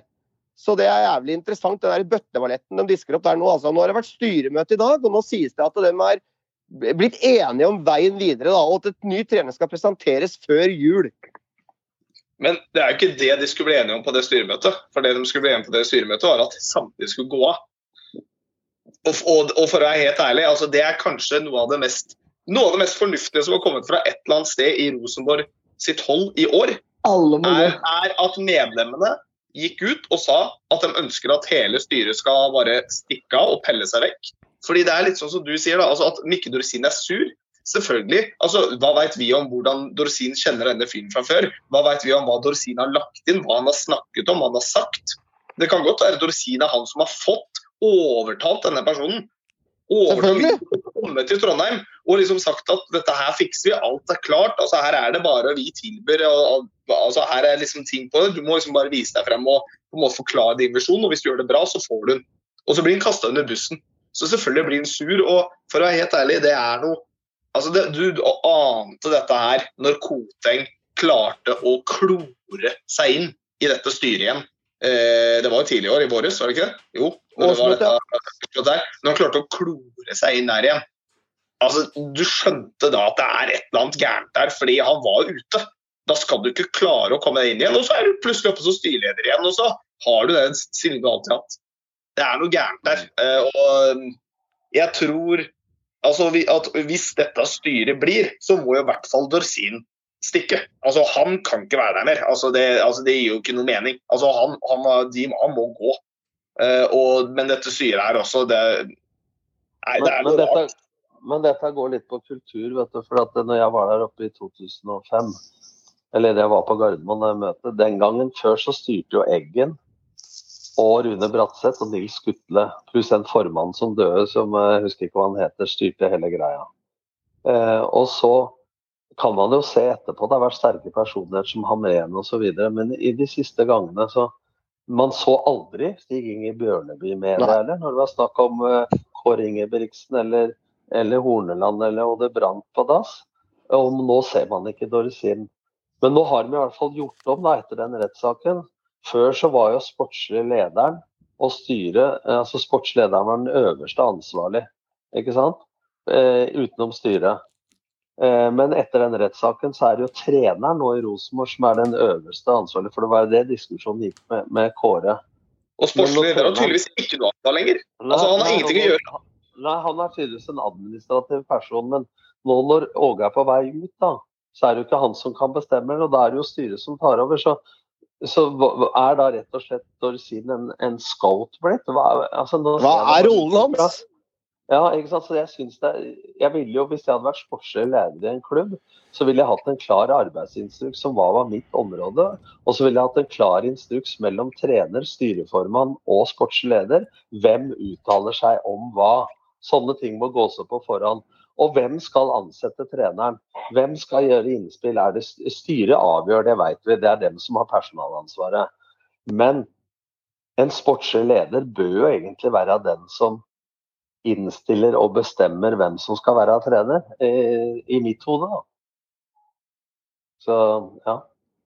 Kan jo ende med at både Milo Milo, som var ønsket for en uke siden, og Dorsin, som skulle hanke han inn, at begge står uten jobb til jul. For hvem veit om kanskje Dorsin i det RBK-dramaet her nå må plutselig gå fordi at han blir en belastning for styret? Hvem veit? Vi i Rosenborg har funnet mye drit før. Hæ? Ja, det er Trond Stig her. Ja, ja. Plutselig står begge uten jobb, gutta. Plutselig står begge, begge svenskene uten jobb, plutselig. Men det du sier, Joakim, hvis det er integritet og han er opptatt av at han skal få gjøre jobben sin, så hadde jeg vært han da, så hadde jeg jo trukket meg sjæl, som Joakim sier. Da kan Dorsin begynne som agent igjen, og dette er en høyt utdanna type som ikke har problemer med å få seg en ny jobb. Og eh, jeg, hvis det er eh, litt tæl i gutten, så burde han jo faktisk ta hatten og gå. Ja. Enig. Nå veit vi ikke hva instruksen er, da, men sånn sett utenfra med de fakta vi, det vi vet, så syns jeg det virker merkelig, dette her. Altså. Ja. Eller så, hvis det ikke er merkelig i instrukser, så må de i hvert fall gå på medietrening. Da, og, og hvordan uttale seg, hvem uttaler seg, om hva. Ja. Og det sies at det er gamle Rosenborg-heltene som Bratseth, til og med da Eggen. Eggen har uttalt seg. Vi kan ikke ansette en trener med det så liten erfaring, med kulturforskjeller. Han skulle ha med seg serbiske assistenter inn i teamet. Eh, som krasjer med hele Rosenborg-filosofien. Dette her var det sterke personligheter i styret, som da Bratseth i, i front, og da Koteng etter hvert, som ikke ville være med på. Mm. Ja, for det er viktig digresjon der at Bratseth er jo i styret, så han er jo ikke ja. i såkalt en av gamle kara. Nei, nei, han er jo i styret, men, men, men gamle far Eggen har også en rolle her. Det sitter jo ikke dumskaller etter styret her, men du må jo noen ganger begynne å lure. Det, det må ja. du faktisk begynne å lure. Og eh, jeg kan i hvert fall si med en gang, jeg som følger Rosenborg mye forumer Jeg følger bare en klassisk Facebook-gruppe og en litt sånn RBK-forum og litt og skjulte forumer der det var innlogging og noe styr. Folk er ganske forbanna, altså. Folk er ganske forbanna på mange måter. Og én ting er måten RBK blir behandla på, at liksom det, det, det, bryter med verdien og alt det her, men det er også det at det, det er store delte meninger om dette med Kjetil Rekdal. Um, det, det, er det. Fordi at jeg har jo sagt det i alle åra mellom oss gutta i, i Snapchat-kuppa vår at er det én klubb eh, Kjetil Rekdal vil trene, for det oser så jævlig gjennom når han sitter og disser Rosenborg alle åra, det er Rosenborg. Han har sikla på den jobben der siden han var guttevalp, liksom. Eh, det er jeg ganske sikker på. Men han har altså vært sykt kritisk mot Rosenborg på mange måter. Og det er noen ganger berettiget, andre ganger ikke. Men det er noe med hele greia at det er han. Og, er det riktig at Det er også spørsmålet jeg stiller dere, at RBK-fansen er så på personen Kjetil Rekdal som ikke er riktig, for at de kanskje blander korta litt mellom ekspertkommentator og tidligere Vålerenga-mann? Eller er det berettiget? Er det greit? Bør de skille mellom hva som er som fakta og en rolle Rekdal har i TV-bildet? Altså, jeg har litt tanker rundt det. Spørre litt om det. Men, de, men, men supporterne må få lov å si hva de mener. Selvfølgelig. Men uansett hvem som blir ansatt, så vil det være sterke meninger så mm. stor supporterskare om det. Så det tror jeg ikke styret dem, Hvis styret gjør en ordentlig jobb, så må det være kravspekk og intervjuer og, og research osv. Da, da kan de ikke høre på alle. Og Hvis de skal ta styret da, og be dem gå, som Joakim sier, så har jo Koteng rett i én ting han sier i dag. Da. Det er jo årsmøtet som er ja. arenaen for det. For, for uh, å få fjerna folk. Men, men uh, jeg har alltid likt Rosenborg. men jeg, jeg merka det når jeg var der faktisk i år 2000, at det, eh, du skulle ikke komme utenfra og mene så mye. For at det, eh, det, er litt farlig når du har så mye suksess, å miste ydmykheten og tenke at det vi gjør, vi veit best. Det er ingen andre som, som veit det. Så det, det, er litt farlig, syns jeg også. Det, det har man jo sett at noen andre har gått forbi det. Og så ser nå på årets tabellplassering, eh, gutter. Femteplass det er jo uh, Ja, vi kan, vi kan, diskutere oss grønne på hvor høyt Rosenborg var tippa, men at de ender på femteplass, det er noe, noe ikke annet enn fiasko i Åge Hareide sin siste sesong som trener. At Rosenborg da ender uten Europa for første gang på 17 år, og av femteplass i ligaen i norsk eliteserie, det, det, er rett og slett elendig. Mm. Ja, Det er det ikke noe tvil om engang. Men uh, sånn i motsetning også i forhold til dette med alt av altså De må gjøre noe, de må finne en trener. Men jeg syns ikke det lukter mer enn femteplass av Kjetil Rekdal som trener for Rosenborg. På ingen som helst måte. Det syns jeg ikke det gjør. Uh, med all respekt for Kjetil Rekdal, så syns jeg det er ikke det som gjør at jeg tenker neste år at nå er Rosenborg gullkandidat. Det er det ikke. Men jeg syns at Otto Ulseth har sagt mye i Nidaros nå. Han er jo en tidligere topptrener. Og han nevnte Nordnes og Kenneth Dokken. så Da trodde jo folk at de mente at de skulle være hovedtrenere. Han mente jo inn i trenerteam, Svein Målen osv. Men, men eh, jeg, jeg, må jo si det at eh, at eh, han sa her nå at Otto Ulseth at uh, de er på vide vanke når det gjelder uh, treneransettelser. Men han sa også at han trodde at Kjetil Knutsen eller at det der med han Milos Milovic eller hva han heter, at de tar han så åpenlyst til Trondheim. Så er det for at noen skal se det. Og hva er det for å presse Knutsen? Så jeg har jo sagt hele tida at Knutsen ikke går dit. Så jeg har begynt å tenke de siste dagene om faktisk uh, at det er han som havner der likevel. Når alle andre tenker at det ikke blir sånn. Ja, mulig, men jeg hørte Kjetil Knutsen Jeg har jo eh, stått på at jeg mener han eh, går til Rosenborg, eh, men når du hørte han nå i den årets trener på den fotballgallaen, så, så avslutta han, avslutt avslutta han med å si at, at, at Blir det utlandet eller blir det Glimt? Da, det, altså hinta vel om at han signerer ny kontrakt med Glimt der, virka det som, da. Så, um... og, og, og, og, når de da har strekt seg så inn i helvete langt økonomisk også, dette her matcher jo topp, altså bra klubber i utlandet også, med lønn. Ja, jeg, tror altså, den, jeg, tror ikke du får den, lønna der midt, i, det, midt på tabellen det, i belgisk liga. Og, han er gud i Bodø-Glimt. Ja, ja, ja, ja, I Bodø. Det blir statue av han snart. Men det er samme lønnstilbud i Trondheim og Bodø, da. Sånn jo, jo, selvfølgelig, men Rosenborg skal ikke spille Europa. Eh, Glimt skal spille Champions League-kvalik. Det er sant. Men, det, og det har han også, det også bekrefta. Det er. Det sa han på ledende spørsmål. At, ja. at Glimt vant seriegull og skal ut til Europa. Ja, de er videre fra Conference League. Møter nå Celtic, forresten. Veldig veldig spennende kamp i februar. Det blir artig å se. Og de skal spille Champions League-kvalik. Det var, er også en, en avgjørende faktor. Mm. Det har han også innrømmet, da. Men eh, at Rosenborg har vært med å pushe lønna til Knutsen eh, opp til himmelbredden, det er ingen hemmelighet, for det har de gjort. 100 de har, altså, Hadde han fått stilt et spørsmål før sesongen, har du lyst til å skrive femårskontrakt med oss på to-tre millioner i året, og så blir du her i fem år, så hadde han sagt ja. Nå er han på sju. Jeg blir sjokkert hvis han signerer for RBK nå. Det blir jeg sjokkert over, faktisk. Joakim, Joakim, din tanke litt utenfra. Rekdal, for å avslutte den. Eh, drit i hva RBK-hjertene sier, eller Rekdal som karakter, eller eh, I som tar alle oppmerksomheten. Hva tenker du han kan få til med Rosenborg hvis det ender med eh, Mr. Brasil som, eh, som Rosenborg-trener? Nei øh, Det sa jeg ikke det jeg sa. Var jeg muta hele sa?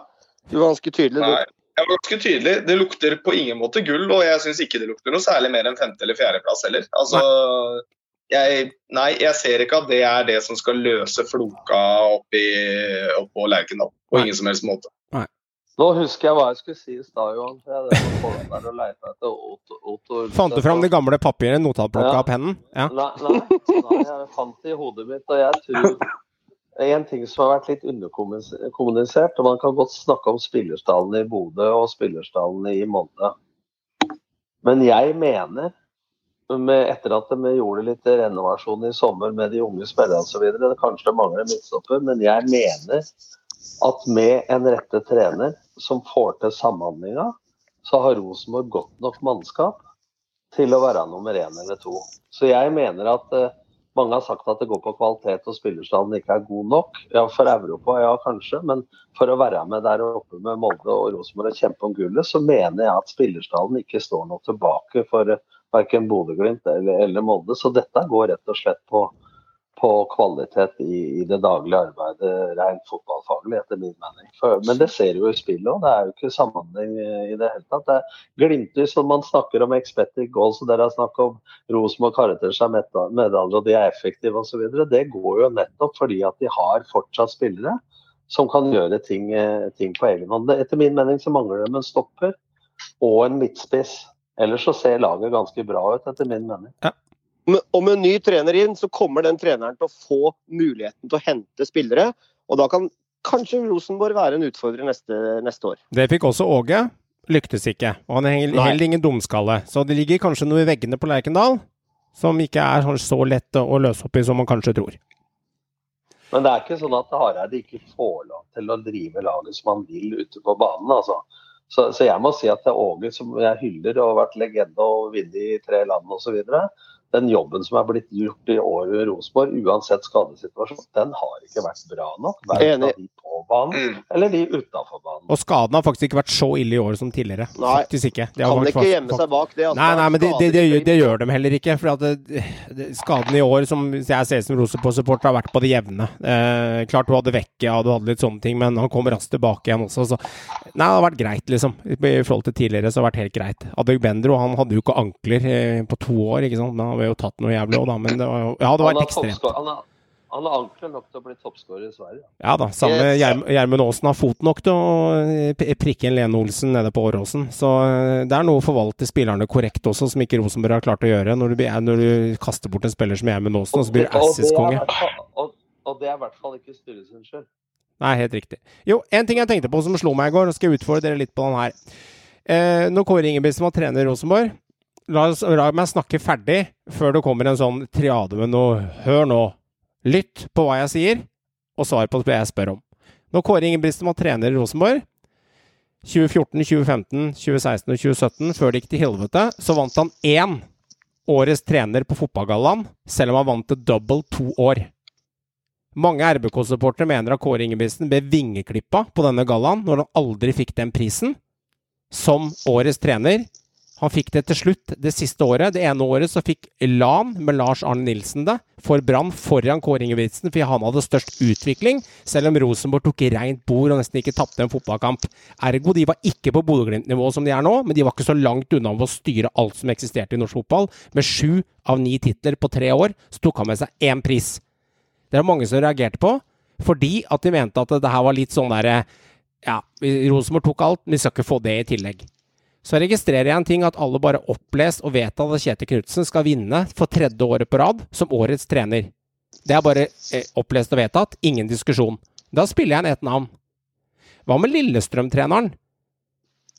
Bakke, som rykker opp med Lillestrøm, tar dem til fjerdeplass. Burde han kanskje fått årets trener Jeg skjønner Glimt, og jeg skjønner diskusjonen, men burde han kanskje fått det med tanke på at det går samme som Lan og Brann den gangen han tok det foran Kåre? For det å rykke opp, ta fjerdeplass og føre den til Europa, er det underkommunisert, eller er det ikke like spilleregler når man ser det over et lengre tid? Deres tanker rundt dette? Altså, jeg, For å ta det ved Lanero, da. Det var nyopprykka. De tok sølv bak RBK. Det er én ting. Uh, Geir Bakke og Petter Myhre har gjort en kjempejobb i LSK tok det til fjerdeplass. Men det Kjetil Knutsen har gjort i år, det er faktisk større prestasjon enn det gullet i fjor, vil jeg si. Selv om de sletta alt av rekorder. For de mista hele rekka si foran, ja. som sto nesten for alt av skåringer. Og han har da bygd opp et nytt lag som igjen tar gull og går videre fra Europa. Slår bl.a. Roma 6-1. Ja. Altså, Den prestasjonen i år av Bodø-Glimt og Kjell Knutsen den syns jeg er enda bedre enn i fjor. Okay. Så jeg syns det er fortjent årets trener. Ja. Og så er det litt med ja, Kom igjen, Joakim, først. Nei, jeg, bare, jeg, vil ikke si at prestasjonen er ikke bedre i seg selv, men poenget er at det er mer imponerende. Mm. Uh, for altså, Fjoråret var en bedre prestasjon sånn lagmessig enn hva de fikk til, uh, men det er mer imponerende i år rett og slett fordi pga. det Håvard sier. og det er så, så For meg også er også Geir Bakke en soleklar andreplass på den mm. kåringen. uten mm. Men, Men ja, det er litt sånn vektskåla her. Den men det går litt på kriterier gutta, og forutsetninger. fordi at uh, forutsetningene til Kjetil Knutsen i år vesentlig dårligere enn i fjor. Uh, jeg ble årets trener i 2005. Vi var nyopprykka, tok sølv, akkurat som Lars Arne Nilsen fikk. Og det er klart at Rekdal vant gull. Altså Det var fire stolpeskudd unna. Men hvis du ser på budsjettet som var 27 millioner i start, da, som ble 43 i løpet av året, kontra det som var tre ganger mer, eller hvis du ser på budsjettet som, eh, som Bodø-Glimt har, eller som Brann hadde kontra Rosenborg med Kåre. Så du må legge inn én ting der, og det er forutsetninger. Jeg påstår at Ståle Solbakken sin beste prestasjon som trener noensinne, det var å bli nummer fem med HamKam eh, når de hadde rykka foran oss i Sandefjord mm. for mange år siden. Det var nesten større prestasjon enn å vinne med FCK, som hadde det største ressursen og det beste laget. Så hva skal man legge Så det er alltid en balansegang. Og han fikk jo årets trener en gang der, men det er klart at jo bedre spillerstall, jo større forutsetninger, jo større forventninger, eh, jo vanskeligere er det selvsagt å, å få. Så det er jo for min del da, å vinne med Bodø-Glimt to år på rad etter å ha vært nede i 2017, så er det en større prestasjon enn å vinne med Rosenborg.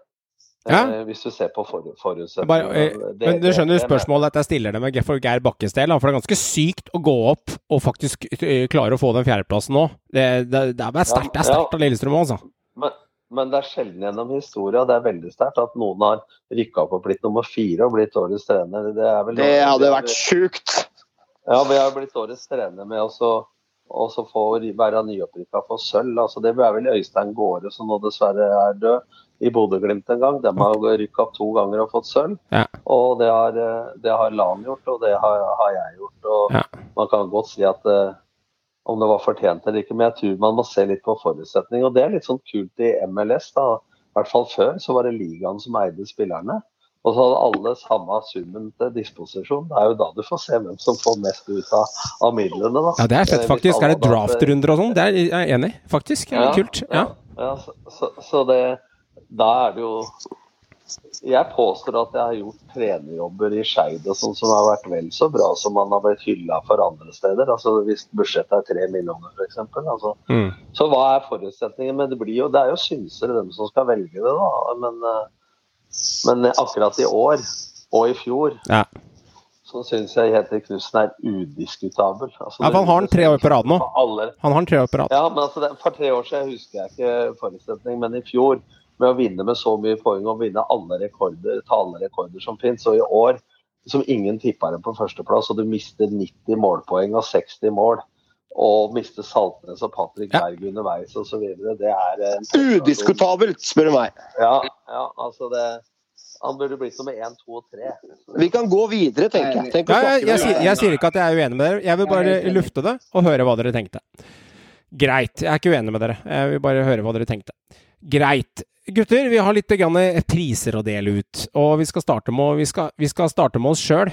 Litt sånn Snoop Dogg, I Wanna Thank Me eh, først. Vi starter med det. Eh, og da eh, går vi på fantasy-vinner, kara. Og eh, det skal vi bruke en halvtime på, bare så det er sagt om. Så du kan jo ta deg lunsj imens. Eh, nei da, bare tuller. F fantasy, det der ender faktisk ja, da blir programlederen på førsteplass, han som skal på cupfinale i år. Og det var endelig på tide å si det. Hvis du hørte det, kjære lytter, var det programlederen som vant i år. Eh, det, var vel, det, var vel, en selvfølge det året, Joakim, at jeg tok den, var det ikke det? Ja?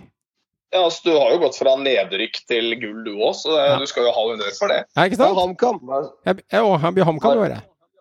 Bare synd det ikke er noen cupfinale i år. Ja, det blir neste år, da. Neste år. Så gutta får eh, Dere som skal betale den for meg, blir fint. Gratulerer med seieren. Jeg pusta deg i nakken, men det holdt ikke. Det får feit Vipps-krav. I år er det inflasjon pga. at ting har blitt dyrere, så det kommer til å bli satt opp de der eh, billettprisene på Ullevål. Det blir helt eh, voldsomme priser. Det blir det samme som tidligere. Så takk skal du ha. Den tar jeg.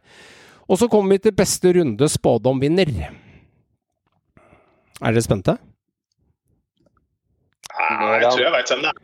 Jeg tror jeg er mer Jeg har lagt til poengene fra den runden som var nå også. Det skilte ikke en puck, for å si det sånn. Eh, jeg tar eh, sisteplass, eh, og så kommer Håvard på nest siste der. Det skiller ett poeng mellom meg og Håvard. Håvard er med én runde mer å spille der, så jeg hoppa over en runde. Spiller ingen rolle om du er sist eller nest sist. Og så er det Joakim på andreplass med 28, men soleklar vinner Merando. Du tar den selv om Stabøk rykker ned. 35. Du er, du er tippemesteren, Meran. Ja, men det er fint, det. Jeg er god på å tippe. Ja. God på å fra hofta. Så kommer den som henger høyest. Jeg syns den faktisk henger kanskje høyere enn Fantasy. Og Fantasy er på en måte Jeg veit ikke, kanskje høyere enn Fantasy, for han viser ut standhaftighet gjennom et år, men å tippe tabellen. Og jeg har regnet ut, regnet ut poengene til ja, det, det, Johan, det må jo være mye ja, to, todelt, da. At, ja, men det er, det, er, er, litt todelt, fordi at tabellen tipper du én gang, og så kaster du det inn i bingen. Men Fantasy må du liksom følge med litt hver uke. Det er mer standhaftighet over det, så det, det er måten, mange måter å se det her på. Men øh, den tabellen, klart det er viktig på en måte han er sånn resultatorientert. Og det har gjort det veldig enkelt at hvis du, hvis du øh, Sånn som jeg tippet Molde på førsteplass, bare så du skjønner kriterier av det, så det ikke blir sånn helvetes krangling om det, og så ender de på andre da får jeg minus ett poeng, siden jeg bommet med en plassering. Og det har jeg gjort på hvert eneste lag nedover hele veien. Tippet du Glimt, ja. tippet du glimt på første, som ingen gjorde, så får du null poeng. Det er om å gjøre å ha minst mulig minus her. Så om å gjøre å havne på null, for å si det sånn. Ja, jeg skjønner. Um, og jeg har lagt sammen poengene, og vi kan starte med den som havna på sisteplass. Det er Joakim. Minus 57. Raps oppsummert så treffer du spot on på Mjøndalen. Da havner du på null. Det er den du ene, det eneste du treffer spot on på. du traff i hvert fall på den, Joakim. Ja da, men, men, han skal ha for én ting, og det skal sies faktisk. Han er den, han er den, det er noen som har fått minus seks og sju poeng på godset. Han har bare fått minus ett poeng på eget lag, for han tippa faktisk godset helt opp på, øh, oppe på øh, tiende, og godset havnet Eh, ja, tiende står det her. Ti, ja, ja. ja.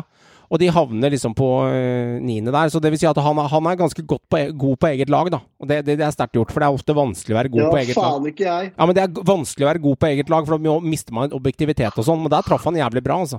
Men du havner på minus 57, for du bomma på noen skikkelig broilere. Sånn som Haugesund, så får du jævlig mye minus, av Odd og sånn. Men uansett, det er greit. Ja. minus 57. Nummer to, der havner Håvard. Minus 54. Å oh, ja. Ikke. Nei da. Håvard, du treffer ikke spot on på noen ting. Men du sier nummer to. Det må jo være nummer tre? Ja, beklager nummer to nederst, da. Altså, ja, beklager. Ja, riktig. Nummer tre. Det er, ja, det er riktig. Det er bra, Tom. Du er pedagog det, pedagogen her. Tredjeplass. Uh, det er korrekt. Der havner du på uh, Eller egentlig så vil jeg si det er fjerdeplass, fordi fellestabellen er med her. Den er også regna ut. Ja, men her, da. Kom igjen, nå. Men der, La oss forte oss nå. Ok, da skal jeg snakke jævlig kjapt. Da bør Øystein Sunde. Du, tre, du, treffer ikke, du, treffer ikke, på noen ting, smakk, smakk, men du har ganske jevn minus én, minus to, minus tre, men ingen eh, spot on-plasseringer. Ja, men minus 54 er ikke så langt unna seieren, skjønner du. Så det er en plassering eller to, så hadde du vært der. Eh, og så er det litt spennende ting. Fellestabellen vår den havner på minus 51, dvs. Si den tabellen som er et snitt av alle våre tabeller men den kan jo aldri vinne. Og da står det igjen mellom Meran og Johan. Og jeg har en fantasy-seier, og du har en neste rundespådom. Så nå avgjøres alt Meran. Skal det bli han som har en triste Rosenborg-sesongen, eller skal det ende med du som ryker ned? Den ene har minus 50. Den andre har minus 49. Å, herregud. Jeg har regna på det to ganger.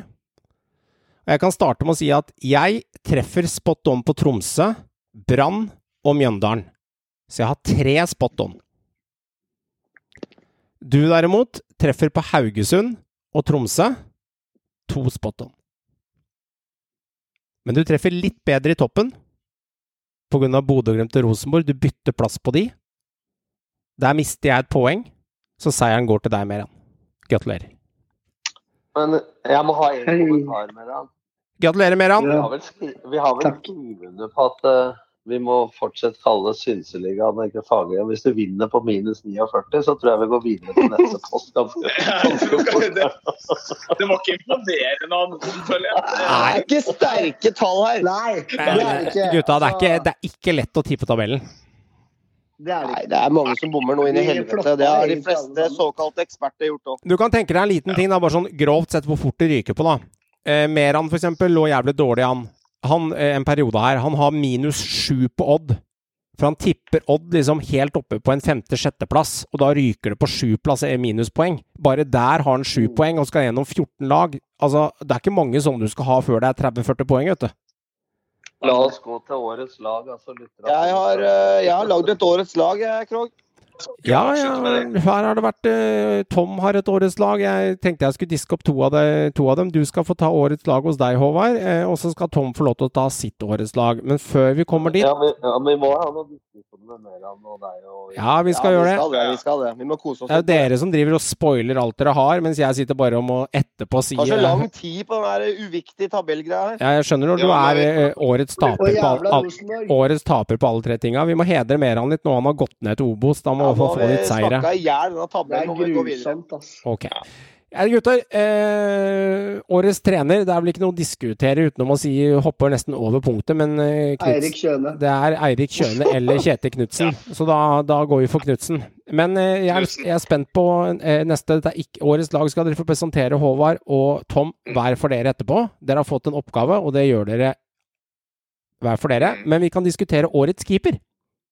Jeg så på gallaen at det var eh, Lillestrøm-keeperen ble jo kåret til det, eh, i bunn og grunn. Eh, og eh, han, altså han Han ble, han ble kåra til årets unge spiller. Riktig. Han ble kåret til årets unge spiller, men det betyr også at han er der oppe blant de tre-fire. Eh, blander, han seg, blander han seg inn i krigen her, eller er det andre som dere mener kanskje står fram her? For meg da, så, så sto det mellom eh, Linde, Hedenstad, Kristiansen og Haiken, og jeg landa på Haiken. Altså. Jeg ser på det, det er klart han har et bra lag foran seg, men han slipper inn noen og 20 mål. altså De andre er oppe på 40. så jeg synes Han hadde jeg ikke noe tro på før sesongen. Jeg så på det som Bodø-Glimts ett av svakeste punktene, men han syns jeg både i Europa og, og her har vært, eh, vært bra. Men Ja. det er vel ganske jevnt mellom Jeg de. kan si- si så- fantastiske. Ja. Jeg kan si så mye som at der er vi enige, Tom. Der er vi lik keeper for årets lag. Jeg er også enig. Ok, Alle er enige. da lar vi den stå. Jeg er enig. Den, Årets midtstopper, gutta. Jeg har, eh, altså, Dette er ikke årets lag. Det er Nei, nå tar vi Nei. Ja. Da er det bare enkeltposisjon. Jeg skal ha én midtstopper. Jeg driter i de to. Jeg skal ha én som er king of the hill. Og, Yes. eh, og hvis dere har deres egen liste, eh, Håvard og Tom etterpå, det skal dere få lov til, så kanskje Meran og Det tar Joakim vi skal få lov til å mene litt. Hva tenker du, Meran? Jeg tenker Valsvik. Ok? det, er også, det er også min mann, og det er utelukkende pga. hvis man ser hva den stopperen har tilført laget han har vært på i år. Ja. Uh, alternativet mitt er liksom Bjørkan, nesten. Eh, Det er liksom der, men eh, jeg mener Men Vi er på Ja, stopper nå, Joakim. Ja, det er det vel. Ja, drit i det. Eller så må det bli Brede Mo. Men jeg er- sier Nei, er. Jeg er med på Sheriff Sinjan. Faktisk. Jeg er, jeg jeg er på Det sto mellom to for meg. Det er Altså, Jeg sier ikke hva jeg har på årets lag, fordi jeg har tenkt mer sånn hvem er god sammen med hvem på årets lag. Jeg har tenkt litt sånn uh, samhandling, men for meg så er det Ogbu og Sheriff Sinjan som uh, Ja. Sinjan har vært helt rå i Europa og nå i høst. Uh, begynte dårlig. Mens Ogbu er et så rått fysisk potensial at er sånn blant annet mot Jeg har sett alle Eliteserien-kampene, men Ibrahim Kone så ut som ja, Han er et monster, men altså både fart og styrke hans ble en helt radert ut. Så Det er én ting, da. For meg, så, ja. Og det er at hadde du fjerna Sinjan fra Molde, så tror jeg de hadde klart seg ganske bra. Eh, hadde du fjerna Valsvik fra Godset, så, eh, så, så, Betydningen av Valsvik Hadde vi rykka ned? Det er noe med det. Så, og det, det, det, det, gjør, det får en liten mynt i hatten til han Valsvik, for han er så jævlig betydningsfull for det godselaget. Men det er fordi jeg, de andre er dårligere. Jeg har ingen av de ja, som årets stopper. Jeg har, eh, jeg har Marius Lode som årets stopper. Han har tatt steg, og skulle nesten ikke tro at det var mulig, men han og Brede Moe, makkeren. altså Brede Moe har også vært ekstremt bra. Men mm. defensivt har Glimt vært ekstremt bra. Både keeper og den forsvarsrekka har vært imponerende. Og for meg så er Marius Lode årets stopper. Han har vært jevnt god i hele år. Og også i Europa har vært ekstremt bra. Uh, Sheriff Sinjan har vært meget god, ja. Men, uh, og, og Valsvik. Men, men Sinjan først, uh, først, og fremst på høsten, da han begynte å storspille. Og Gregersen spilte jo mye før han dro. Så for meg er det Marius Lode. Ja, skjønt det. For meg, da, for, for meg da, så er Marius Lode den beste offensive stopperen, og laget i Bodø-Glimt har vært bra. Men de har ikke hatt så mye trøkk på seg. Mens den defensive så syns jeg Ogbu har vært kjempegod. Men sånn overall så syns jeg Sheriff har vært god. Altså, hva skal du vektlegge der, da? Så, ja, ja, ja. Sånn er det. Men, stå, men står du, Joakim, på, på Valsvik og Meran, gjør du det samme? Jeg står på Valsvik. Jeg mener at uh, han uh, er den stopperen i Eliteserien som har hatt mest betydning for sitt lag. Okay. Og han har vært ufattelig god i tillegg. Ja, jeg er enig. Jeg lener, jeg lener meg på den. Ja, jeg er 50-50 Sheriff Sinjan og Valsvik.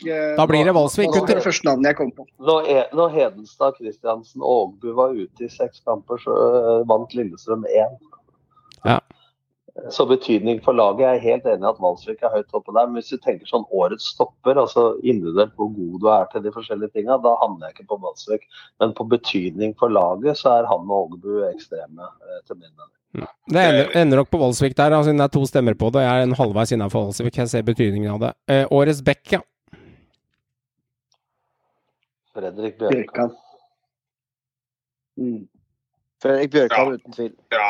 Har vært det de siste to-tre liksom, sesongene, for å si det sånn. Ja, ja, det er han. Det er han. Ingen ved siden av som er i nærheten. Og så er det dirigenten på midtbanen, da. Altså Når du kaller det midtbanesjef i kategorien, så er det én fyr. Altså Det er jo ingen andre i Eliteserien du kan velge. Okay. Altså Det er én person. Hvem er det? Jeg altså, hvis, du... sier, for Hvis vi er uenige her, så blir jeg lure på hva folk har sett på. Det er Patrick Berg. Ja, ja.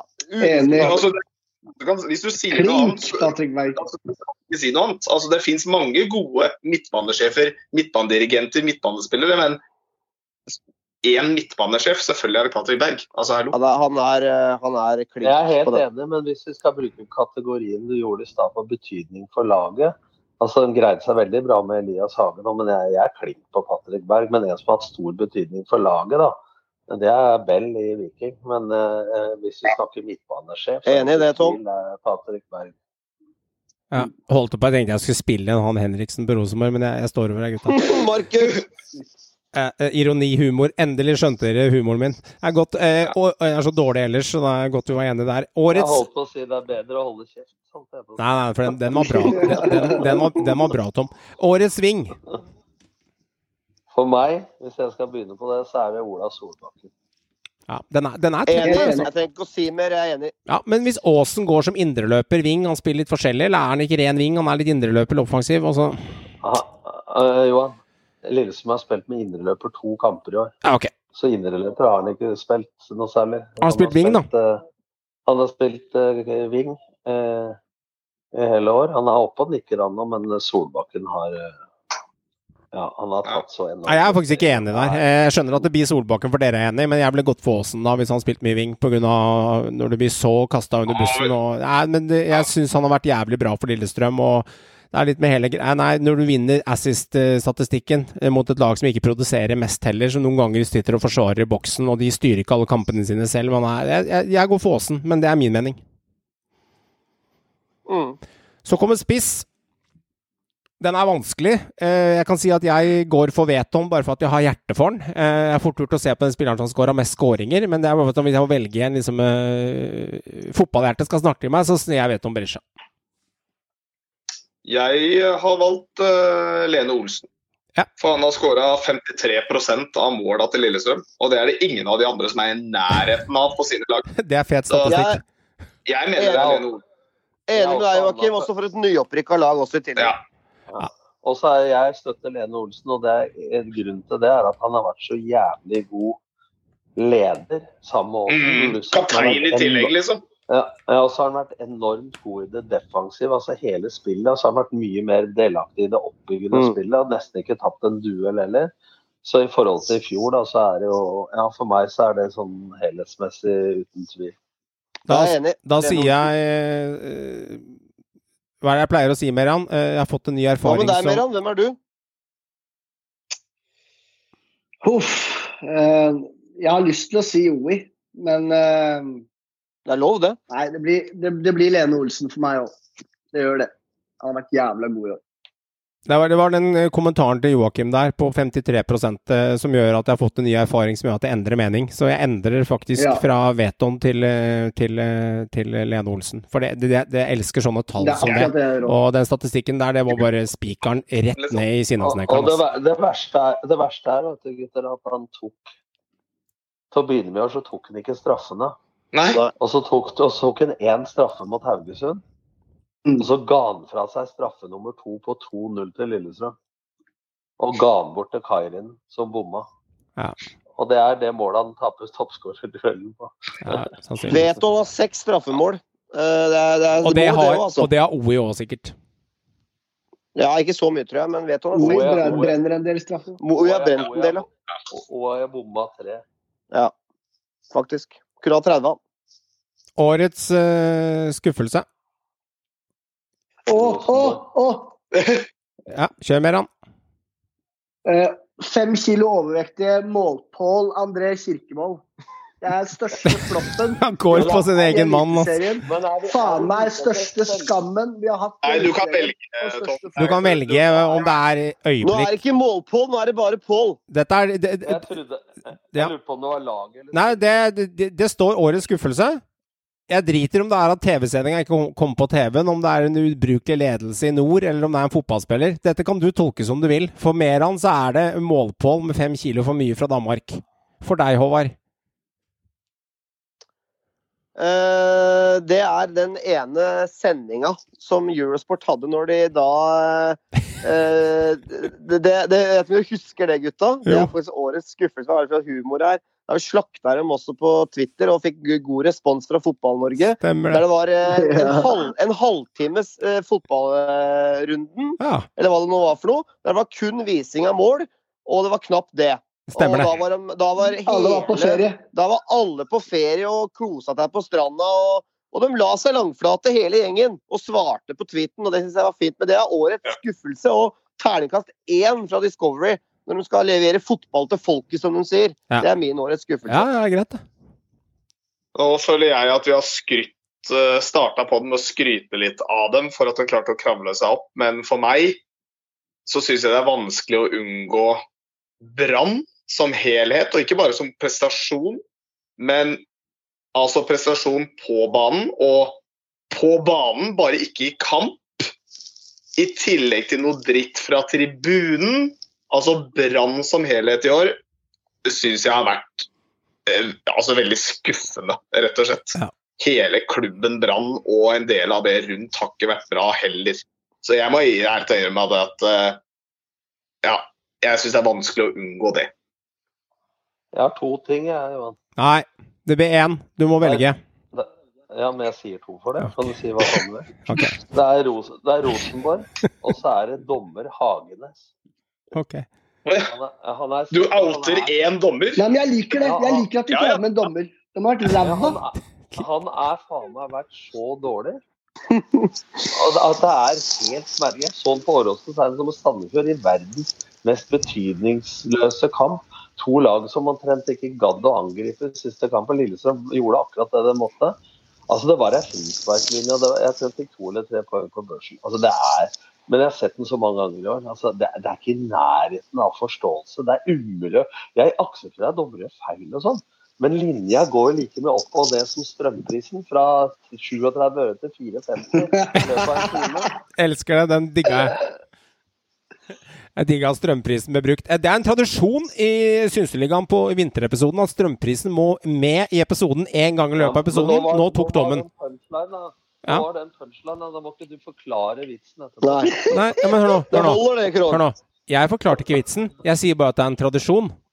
Ferdig. Så legger jeg den død Hvem er din skuffelse, da, Krog? Du må jo si det, du òg.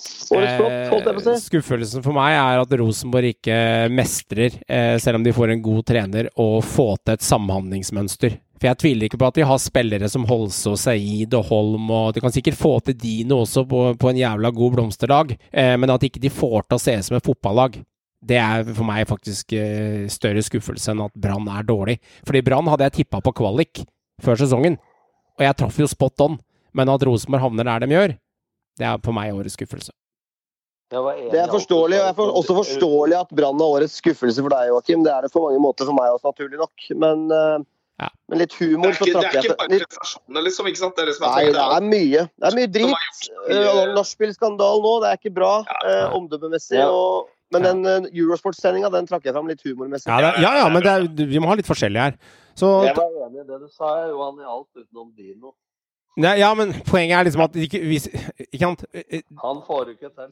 Poenget er at hadde du putta Dino som midtspiss i Bodø-Glimt i år, så hadde han skåra 18 mål. Nei. Jo, det hadde han sikkert gjort. Det hadde han sikkert gjort. Det, jo, det, Han hadde ikke skåret det veit vi ikke. Jeg vet, Ja, kanskje ikke, men vi vet ikke. Poenget er at eh, eh, For å gjøre det enkelt, da. Poenget er, ikke, poenget er jo ikke Dino. Poenget er samhandlingsmønsteret jeg sa. Det andre var bare eksempler. Ikke heng deg opp i sånne bagateller av noen maurnyheter imellom. Samhandlingsmønster Rosenborg, det er det som er skuffelsen for meg. Gutta, jeg tar ambassadør for Eliteserien til slutt, og så tar vi årets nesten. For den er også litt sånn eh, Hva mener man med det? Kjør. På årets, årets ambassadør Nesten. Ta den først. det- Nei, nesten først? Ja, kjør nesten først. Ambassadør er morsom. Nesten først. For meg, for meg så er årets nesten Dere kalte dem skuffelse, men for meg så er årets nesten bra. Ok? Ja, for jeg syns at de, helt ærlig talt, selv når de tapte sju med, med Kåre, så syns jeg det liksom På individuell feil, ja, men altså, det var matcher. altså De spilte uavgjort og uavgjort og tapte med én, men de var med i alle matcher. Jeg veit. Og det, hø det høres så jævla dumt ut, for de var så lite poeng. Men for meg så blir det ja, Merkelig mangler på noe bedre. Årets nesten. Men totalt sett veldig langt unna. Nå snakker jeg bare sport. Ja, altså, ja, ja, altså jeg eh, Årets nesten for meg er også et lag, eh, og den er også litt sånn jeg vet ikke, litt sånn halvveis, men altså årets nesten for meg det, jeg, vil, jeg, vil, jeg, vil nesten si Odd. For hadde det ikke vært for at Brann og Stabæk og MIF var så ufattelig dårlige i år, så hadde Odd rykka med. Ja, nesten. Det årets nesten Årets, Årets nesten er Odd blir rykket nesten ned, og rent spillemessig, i hvert fall halv siste halvdel av sesongen, så tror jeg nesten de hadde fortjent det også. For det var noe forferdelig dølle greier. For min del så er årets nesten Erling Moe. Enda et år med nesten seriegull. Eh, nesten vipper ingen av hesten, sies det. Ja. Nesten årets se om. Erling Moe nesten har en jobb å gå til neste år, da. Ja. For meg er det Dino i Rosenborg. Det er ikke mye nesten det, altså. jo, for det er litt da. Det, Nesten av Rosenborg, da, eller? får jo ikke lov å argumentere engang, for det er sånn «Hø, hø, Ta programlederen fortest mulig! La meg snakke er nesten- ferdig! er Nesten for meg er det at når Hans han. Skal jeg få prate, eller skal jeg ikke få prate? Takk. Eh, når eh, han satte inn det målet på huet etter ti runder uten å score, da Joakim klarte å si at uh, han scorer jo ikke ordentlig med huet engang. Han nikker det? Nettopp. Han nikker den i skulderen på en annen spiller og i mål. Så det er sånn derre Han klarte nesten å bomme faen meg på en sjanse fra en halv meter og inn. Og for meg så Han oppsum... Opp, og det er det som er så nesten med han, for det har vært så jævlig mye sånne ting. Er sånne der, eh, klare sjanser så er så vidt han får tåa på den, så i, det sånn, Den kunne disse gått utafor. Så for meg er det en sånn Han har seks mål. Han kunne, han kunne hatt ni, men han kunne faen meg hatt to òg. Så ja, det, er, det, er, nesten for meg, altså. Det er så jalla. Ja, jeg ser, jeg, ser, jeg, ser, jeg ser hvor du vil hen. Jeg ser argumentasjonen din der. Ja. Håvard, skal du avslutte nesten? Jeg, for å gjøre det kort og brutalt, jeg slenger meg på Molde. Uh, og, og, for så vidt kanskje også Erling Moe, men uh, nok en gang nesten. Og uh, det river ingen av hesten. Og da er det nok et år uten gull. Ja. Og det var jo mange som tippa dem på gull før sesong. Og strengt tatt så burde de jo, selv om de havna bare tre poeng bak, så, så holder ikke det. Hvis vi går på ambassadør, da. Ja. Da er jeg derimot der du var i stad, Johan. Da er jeg på, på Gjermund Aasen. Ja.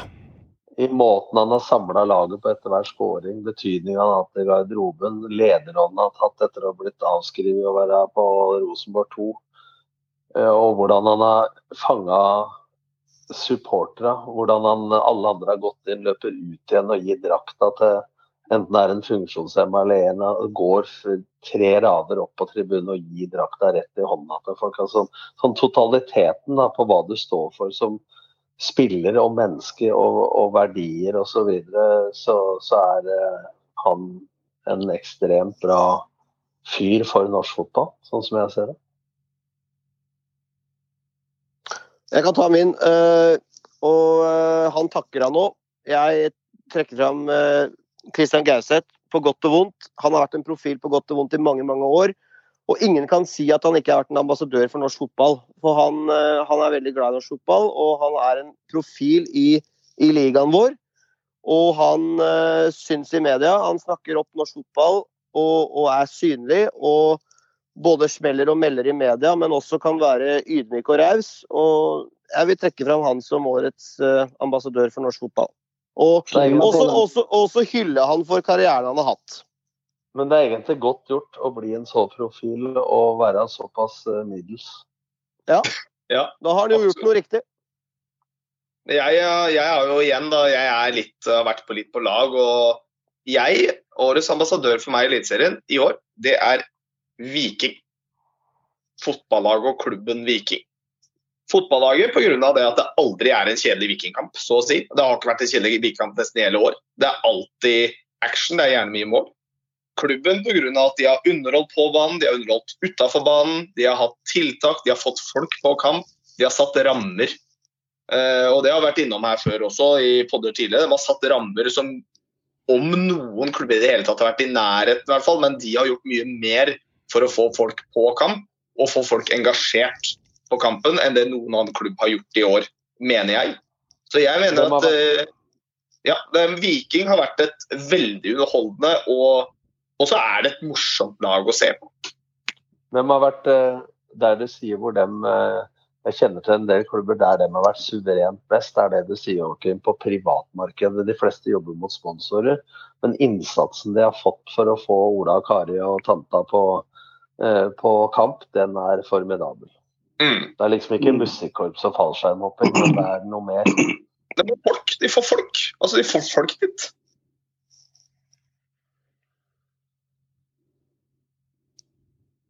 Ja, Meran. Da venter vi på eh, poengmesteren. Han slanget seg på Gauseth. Ja, jeg sa jeg var enig med i Gauseth uh, okay. med Håvard. Mm. Egentlig enig med Joakim uh, på Viking. Jeg har jo skrytt av de, og hadde ikke vært fan av Rosenborg og måtte valgt et helt nytt lag i Norge, så hadde jeg valgt Viking. Uh, fordi at jeg syns det er fett og De lager mye trøkk, altså. altså. Det er alltid kjedelige kamper. Aldri, aldri kjedelige kamper. Men jeg må velge en outsider, siden du har tatt den. Jeg hadde dem nummer to på lista, for jeg trodde Viking kom. Og det er Vegard Hansen, faktisk, i Mjøndalen. Jeg tenkte på det i går. Når du inviterer folk opp i leiligheten din på champagne og mat, selv om du er på vei til å rykke ned samme kvelden, for å la dem få den gleden Altså, for meg, av-fans for fans, som uh, Synseligaen står for, jeg syns det er så kult. Det gjør at du binder det supporterleddet sammen med den profesjonaliteten som en trener skal vise. Jeg synes, Da hedrer du norsk fotball. Tenk deg opplevelsene de Bodø-Glimt-supporterne får oppleve. Låne leiligheten hans. Han ble sikkert med på festen klokka ti over elleve etter han tatt seg en dusj. Nei, det, det, det, altså, Eller så tok han og kastet dem rett på huet og ræva ut etterpå. Ja, hvem veit. Men jeg syns Det spiller nada ingen rolle. Jeg syns det er Jeg syns han er jeg syns det er noe eget med det der. Jeg syns det er så men jordnært og så rått. Jeg liker Men det. jeg syns det er litt forskjell For meg, da, så når du sier ambassadør, da tenker jeg mer verdier. Altså for, jeg er helt enig med Gauseth og Jørgen Hansen og sånn, men det er for meg mer profiler, da. Jeg syns mer det som Gjermund Aasen og det som Viking står for, går mer på innsatsen de har gjort for totaliteten da, og, og verdien osv. Altså, men det kan Ja, vi diskutere. da. Men det er jo individuelt hva du tenker. Ja. Jeg syns jo Gauseth er en fin ambassadør for norsk fotball. Ja, og og, Tom, var derfor jeg sa at jeg er enig med Joakim i Viking, for det sto på lista mi. Men jeg har en eh, dark horse fra sida. Så eh, det, det er den for å eh, La han få den lille halvminuttet der, så, så, så syns jeg Vegard Ja, jeg skal ikke trumfe, men jeg tror, jeg tror dere er enige om også at Aasen har vært en Ja, ja, klasse. for norsk fotball. Klasse. Absolutt. Klasse. Absolutt. Klasse. Uten tvil. Da var i hvert fall de 8, 10, 12, 70 prisene delt ut der til oss sjæl og til spillere. Eh, og da, eh, Håvard og eh, Tom, skal dere få ta årets lag. Vi kan starte med deg, Håvard. Eh, ikke bruk Skal vi ta én av en plass? Skal, skal, Nei, vet, vi jeg ta- kjører hele elveren, jeg, Tom, så kan du ta etterpå. Ja, Gjør det. Jeg tenkte bare at da får vi sammenligne hva vi er enige om. Ja, OK, vi kjører. Jeg har 4-4-2 i hvert fall.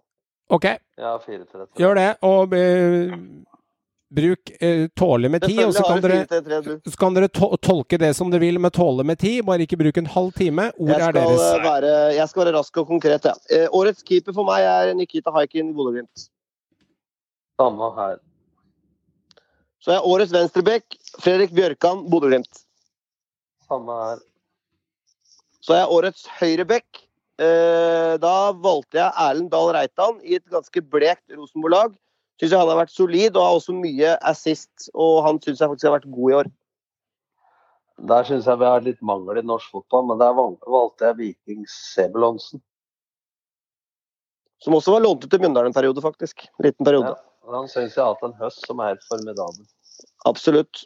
Eh, Så har jeg to stoppere. Da har jeg Marius Lode Bodø-Glimt. Det har jeg òg. Og jeg har Brede Mo Bodø-Glimt. Jeg har Ogbu Lillestrøm.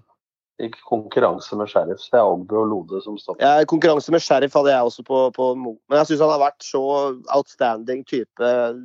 De stoppeparet der syns jeg fortjente å komme på årets lag. Så er venstre kant uh, Gjermund Aasen Lillestrøm. Det har jeg også, med 9-4-3-3. da. Ja. Ja. Jeg har Jeg, den bare eh, justerer, jeg, ja, jeg justerer meg bare etter det. Så der er vi enige. Uh, høyre kant Ola Solbakken. Der er vi enige. Så har jeg to sentrale. Jeg kan ta de på rappen. Det er Patrick Berg, årets spiller også, vil jeg si, og Joe Bell Viking. Begge de har jeg.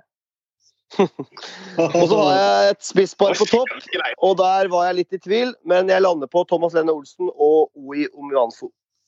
Jeg har Lene Olsen som deg, men så har jeg da en indreløper, ja, da, siden det er 4-3-3. Og Ja. det er Saltnes. Ulrik Saltnes. Ja.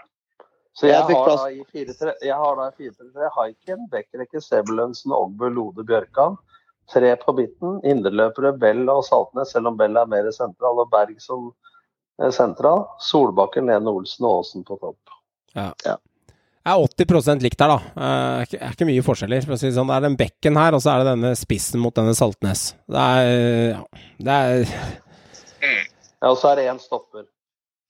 Men det er, det, det er ikke så veldig mye å kverulere på her, da. Altså, hvis vi skal, hvis vi Men det er interessant å høre hva dere andre syns. så. Ja, altså Altså, jeg, jeg vet det har vært bra, men du får den ikke inn her da, hvis du ikke skal spille. Det går ikke å få den inn, vet du. Det er det som er greia. Du, du, du klarer ikke. Jeg hadde tatt ut ordet. Nei, så toppskåreren tar jeg Altså, du kan ikke ta den ut, Nei, liksom. Ja, men jo, men det er litt sånn enkel tanke. Men sånn, Enkel tanke, faen. Han er toppskårer jo. Herregud, hvor mange mål skal Hvor mange mål skal du golle, da, for å komme med, liksom?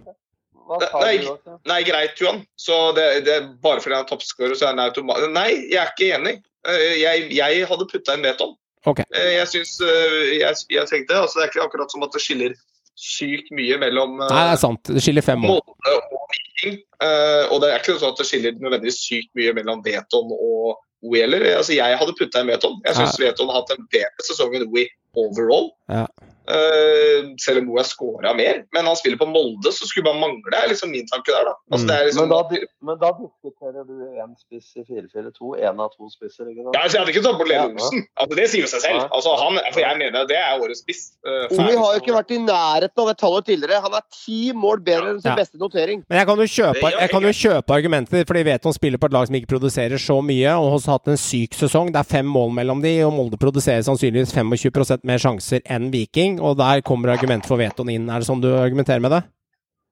Ja, men det er helt OK med OI, selvfølgelig. Han er ja. toppskårer, helt greit. Uh, samme også gjelder, du kan ikke, selv om jeg personlig mener at uh, uh, Valsvik har hatt en helt rå sesong, og for meg er den beste midtstopperen i Eliteserien i år, så kan du ikke argumentere mot Ogbu eller Lode heller. Altså, det, eller Sinjo, for den saks skyld. Hvis, hvis, du begynner bak, da, så, hvis du begynner bak, så hadde alle vi fem Kaiken, ja. Ja, ja. Og, og, hvis det tar dere tre nå som ikke har sagt, da, hvem vil dere valgt som høyreback? Bare rase gjennom laget, da.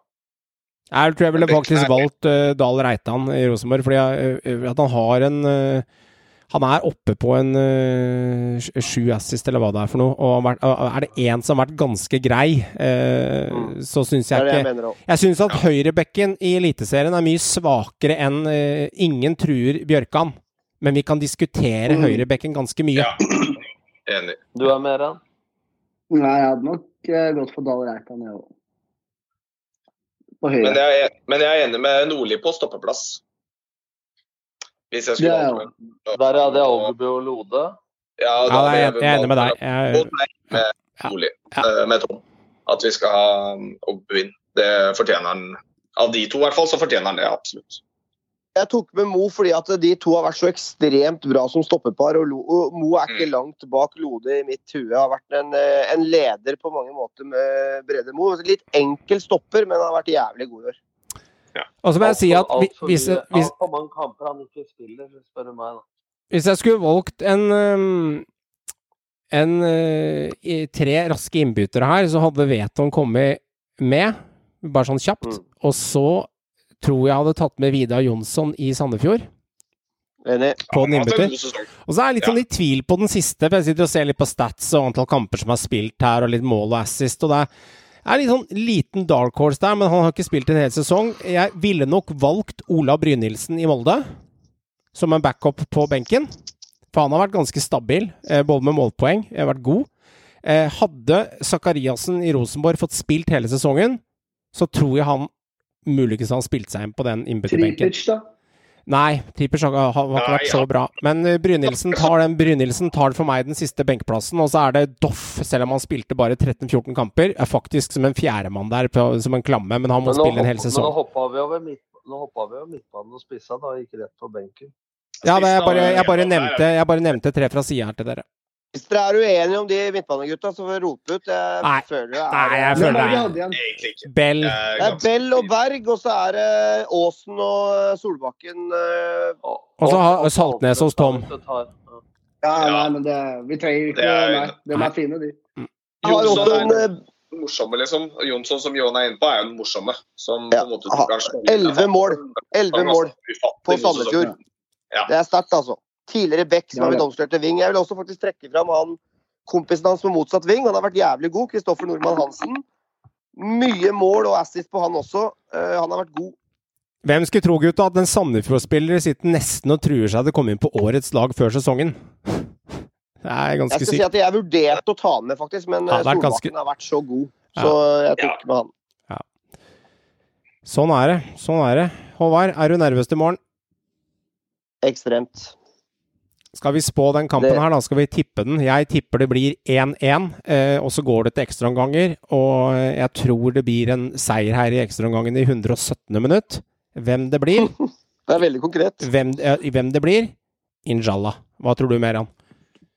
Jeg tror Brann vinner 3-1. Eh, to mål av Heggebø. Og så er jeg litt usikker på hvem som skårer den siste, faktisk. Men eh, jeg tror Heggebø skårer to, ja. og at de vinner 3-1. Jeg, jeg tror også, jeg tror også jeg tror Brann vinner. Jeg tror de er i en sånn egentlig ganske er i såpass god flyt nå og har såpass mye selvtillit i den kampen at jeg tror de kommer til å vinne. Jeg tror de kommer til å vinne komfortabelt, selv om det høres rart ut i en kvalkamp, for det skjer jo aldri. Men jeg tror egentlig at de vinner komfortabelt, at dette går greit. kan fort vekk bli 2-0. At de bare cruiser inn eh, et mål tidlig i kampen, og så kommer et mål ut i andre omgang, og så er kampen egentlig ferdig. Mm. Spåmann Dorli, hva tror du? Jeg tror Brann vinner 2-1. Om det blir etter full til eller ekstraomganger, det vet jeg ikke. Mm. OK. Tom? Men jeg tror Jerv skårer. Ja, det tror jeg òg. Jeg tror vi er enige igjen. Jeg er 117., men uh, det kan vi 2-1, ja. Riktig. Du Tom, takk for alle, alle episodene du har vært med i år. Ja. Så håper jeg du blir med framover også, selv om det nærmer seg jul nå. Det har vært veldig gledelig å ha med deg i hvert fall de siste episodene her nå, selv om det har vært litt mer å gjøre for deg utover høsten nå. Ja, takk for det. Og så har jeg bare et lite innspill. Et ønske som Da tar på meg lytterhatten. Okay. Og de kompisene mine som, eh, som, hører på. Jeg tror at det, eh, det, er mange som ikke gjør det, men å kjøre podder eh, i preseason og, og diskutere eh, litt treningskampresultater, men mest sånn spådommer, mm. spilleroverganger og quiz. Ja. De tre stolpene tror jeg er, engasjerer folk. da. Ja. nok tips og, og quiz, det vet jeg. Vi blir ikke borte lenge, tror jeg. Det, vi er nok tilbake på nyåret, vi. Veldig bra. Veldig bra. Kjære lytter, tusen takk for at du lytter til Synseligaen, og hjertelig takk til Eurosport for bruk av lydklipp i denne episoden. Gå inn på Discovery Pluss og Dplay for å få tilgang til hele Eliteserien der hvor du er. Kanskje du kan se noen kamper i uh, vinter. Selv om det går langrenn på TV-en, så er det fortsatt fotball på reprise av det som har gått når du søker deg inn på appen. Kos deg masse i morgen med Jerv og Brann, og ble laget som du håper skal vinne, vinner den kampen. Og så hei så lenge. Men det er jo ikke sånn at bohemen etter Vålerenga på 60-tallet At vi kan spille med de 2000, i 2020. Det er toppidrett i dag. Fucking joke, de der jævla måla vi slipper inn. Det er, det er piss. Vi har vært bunnsolide i, i hele oppkjøringa. Nå har vi sluppet inn ja, fire-fem pissemål. Det er jævla kjedelig å trene, så det er mye bedre å bare ligge og sole seg og så spille kamper. Så det her er perfekt. I wanted to wish happy birthday, but it was already going go away.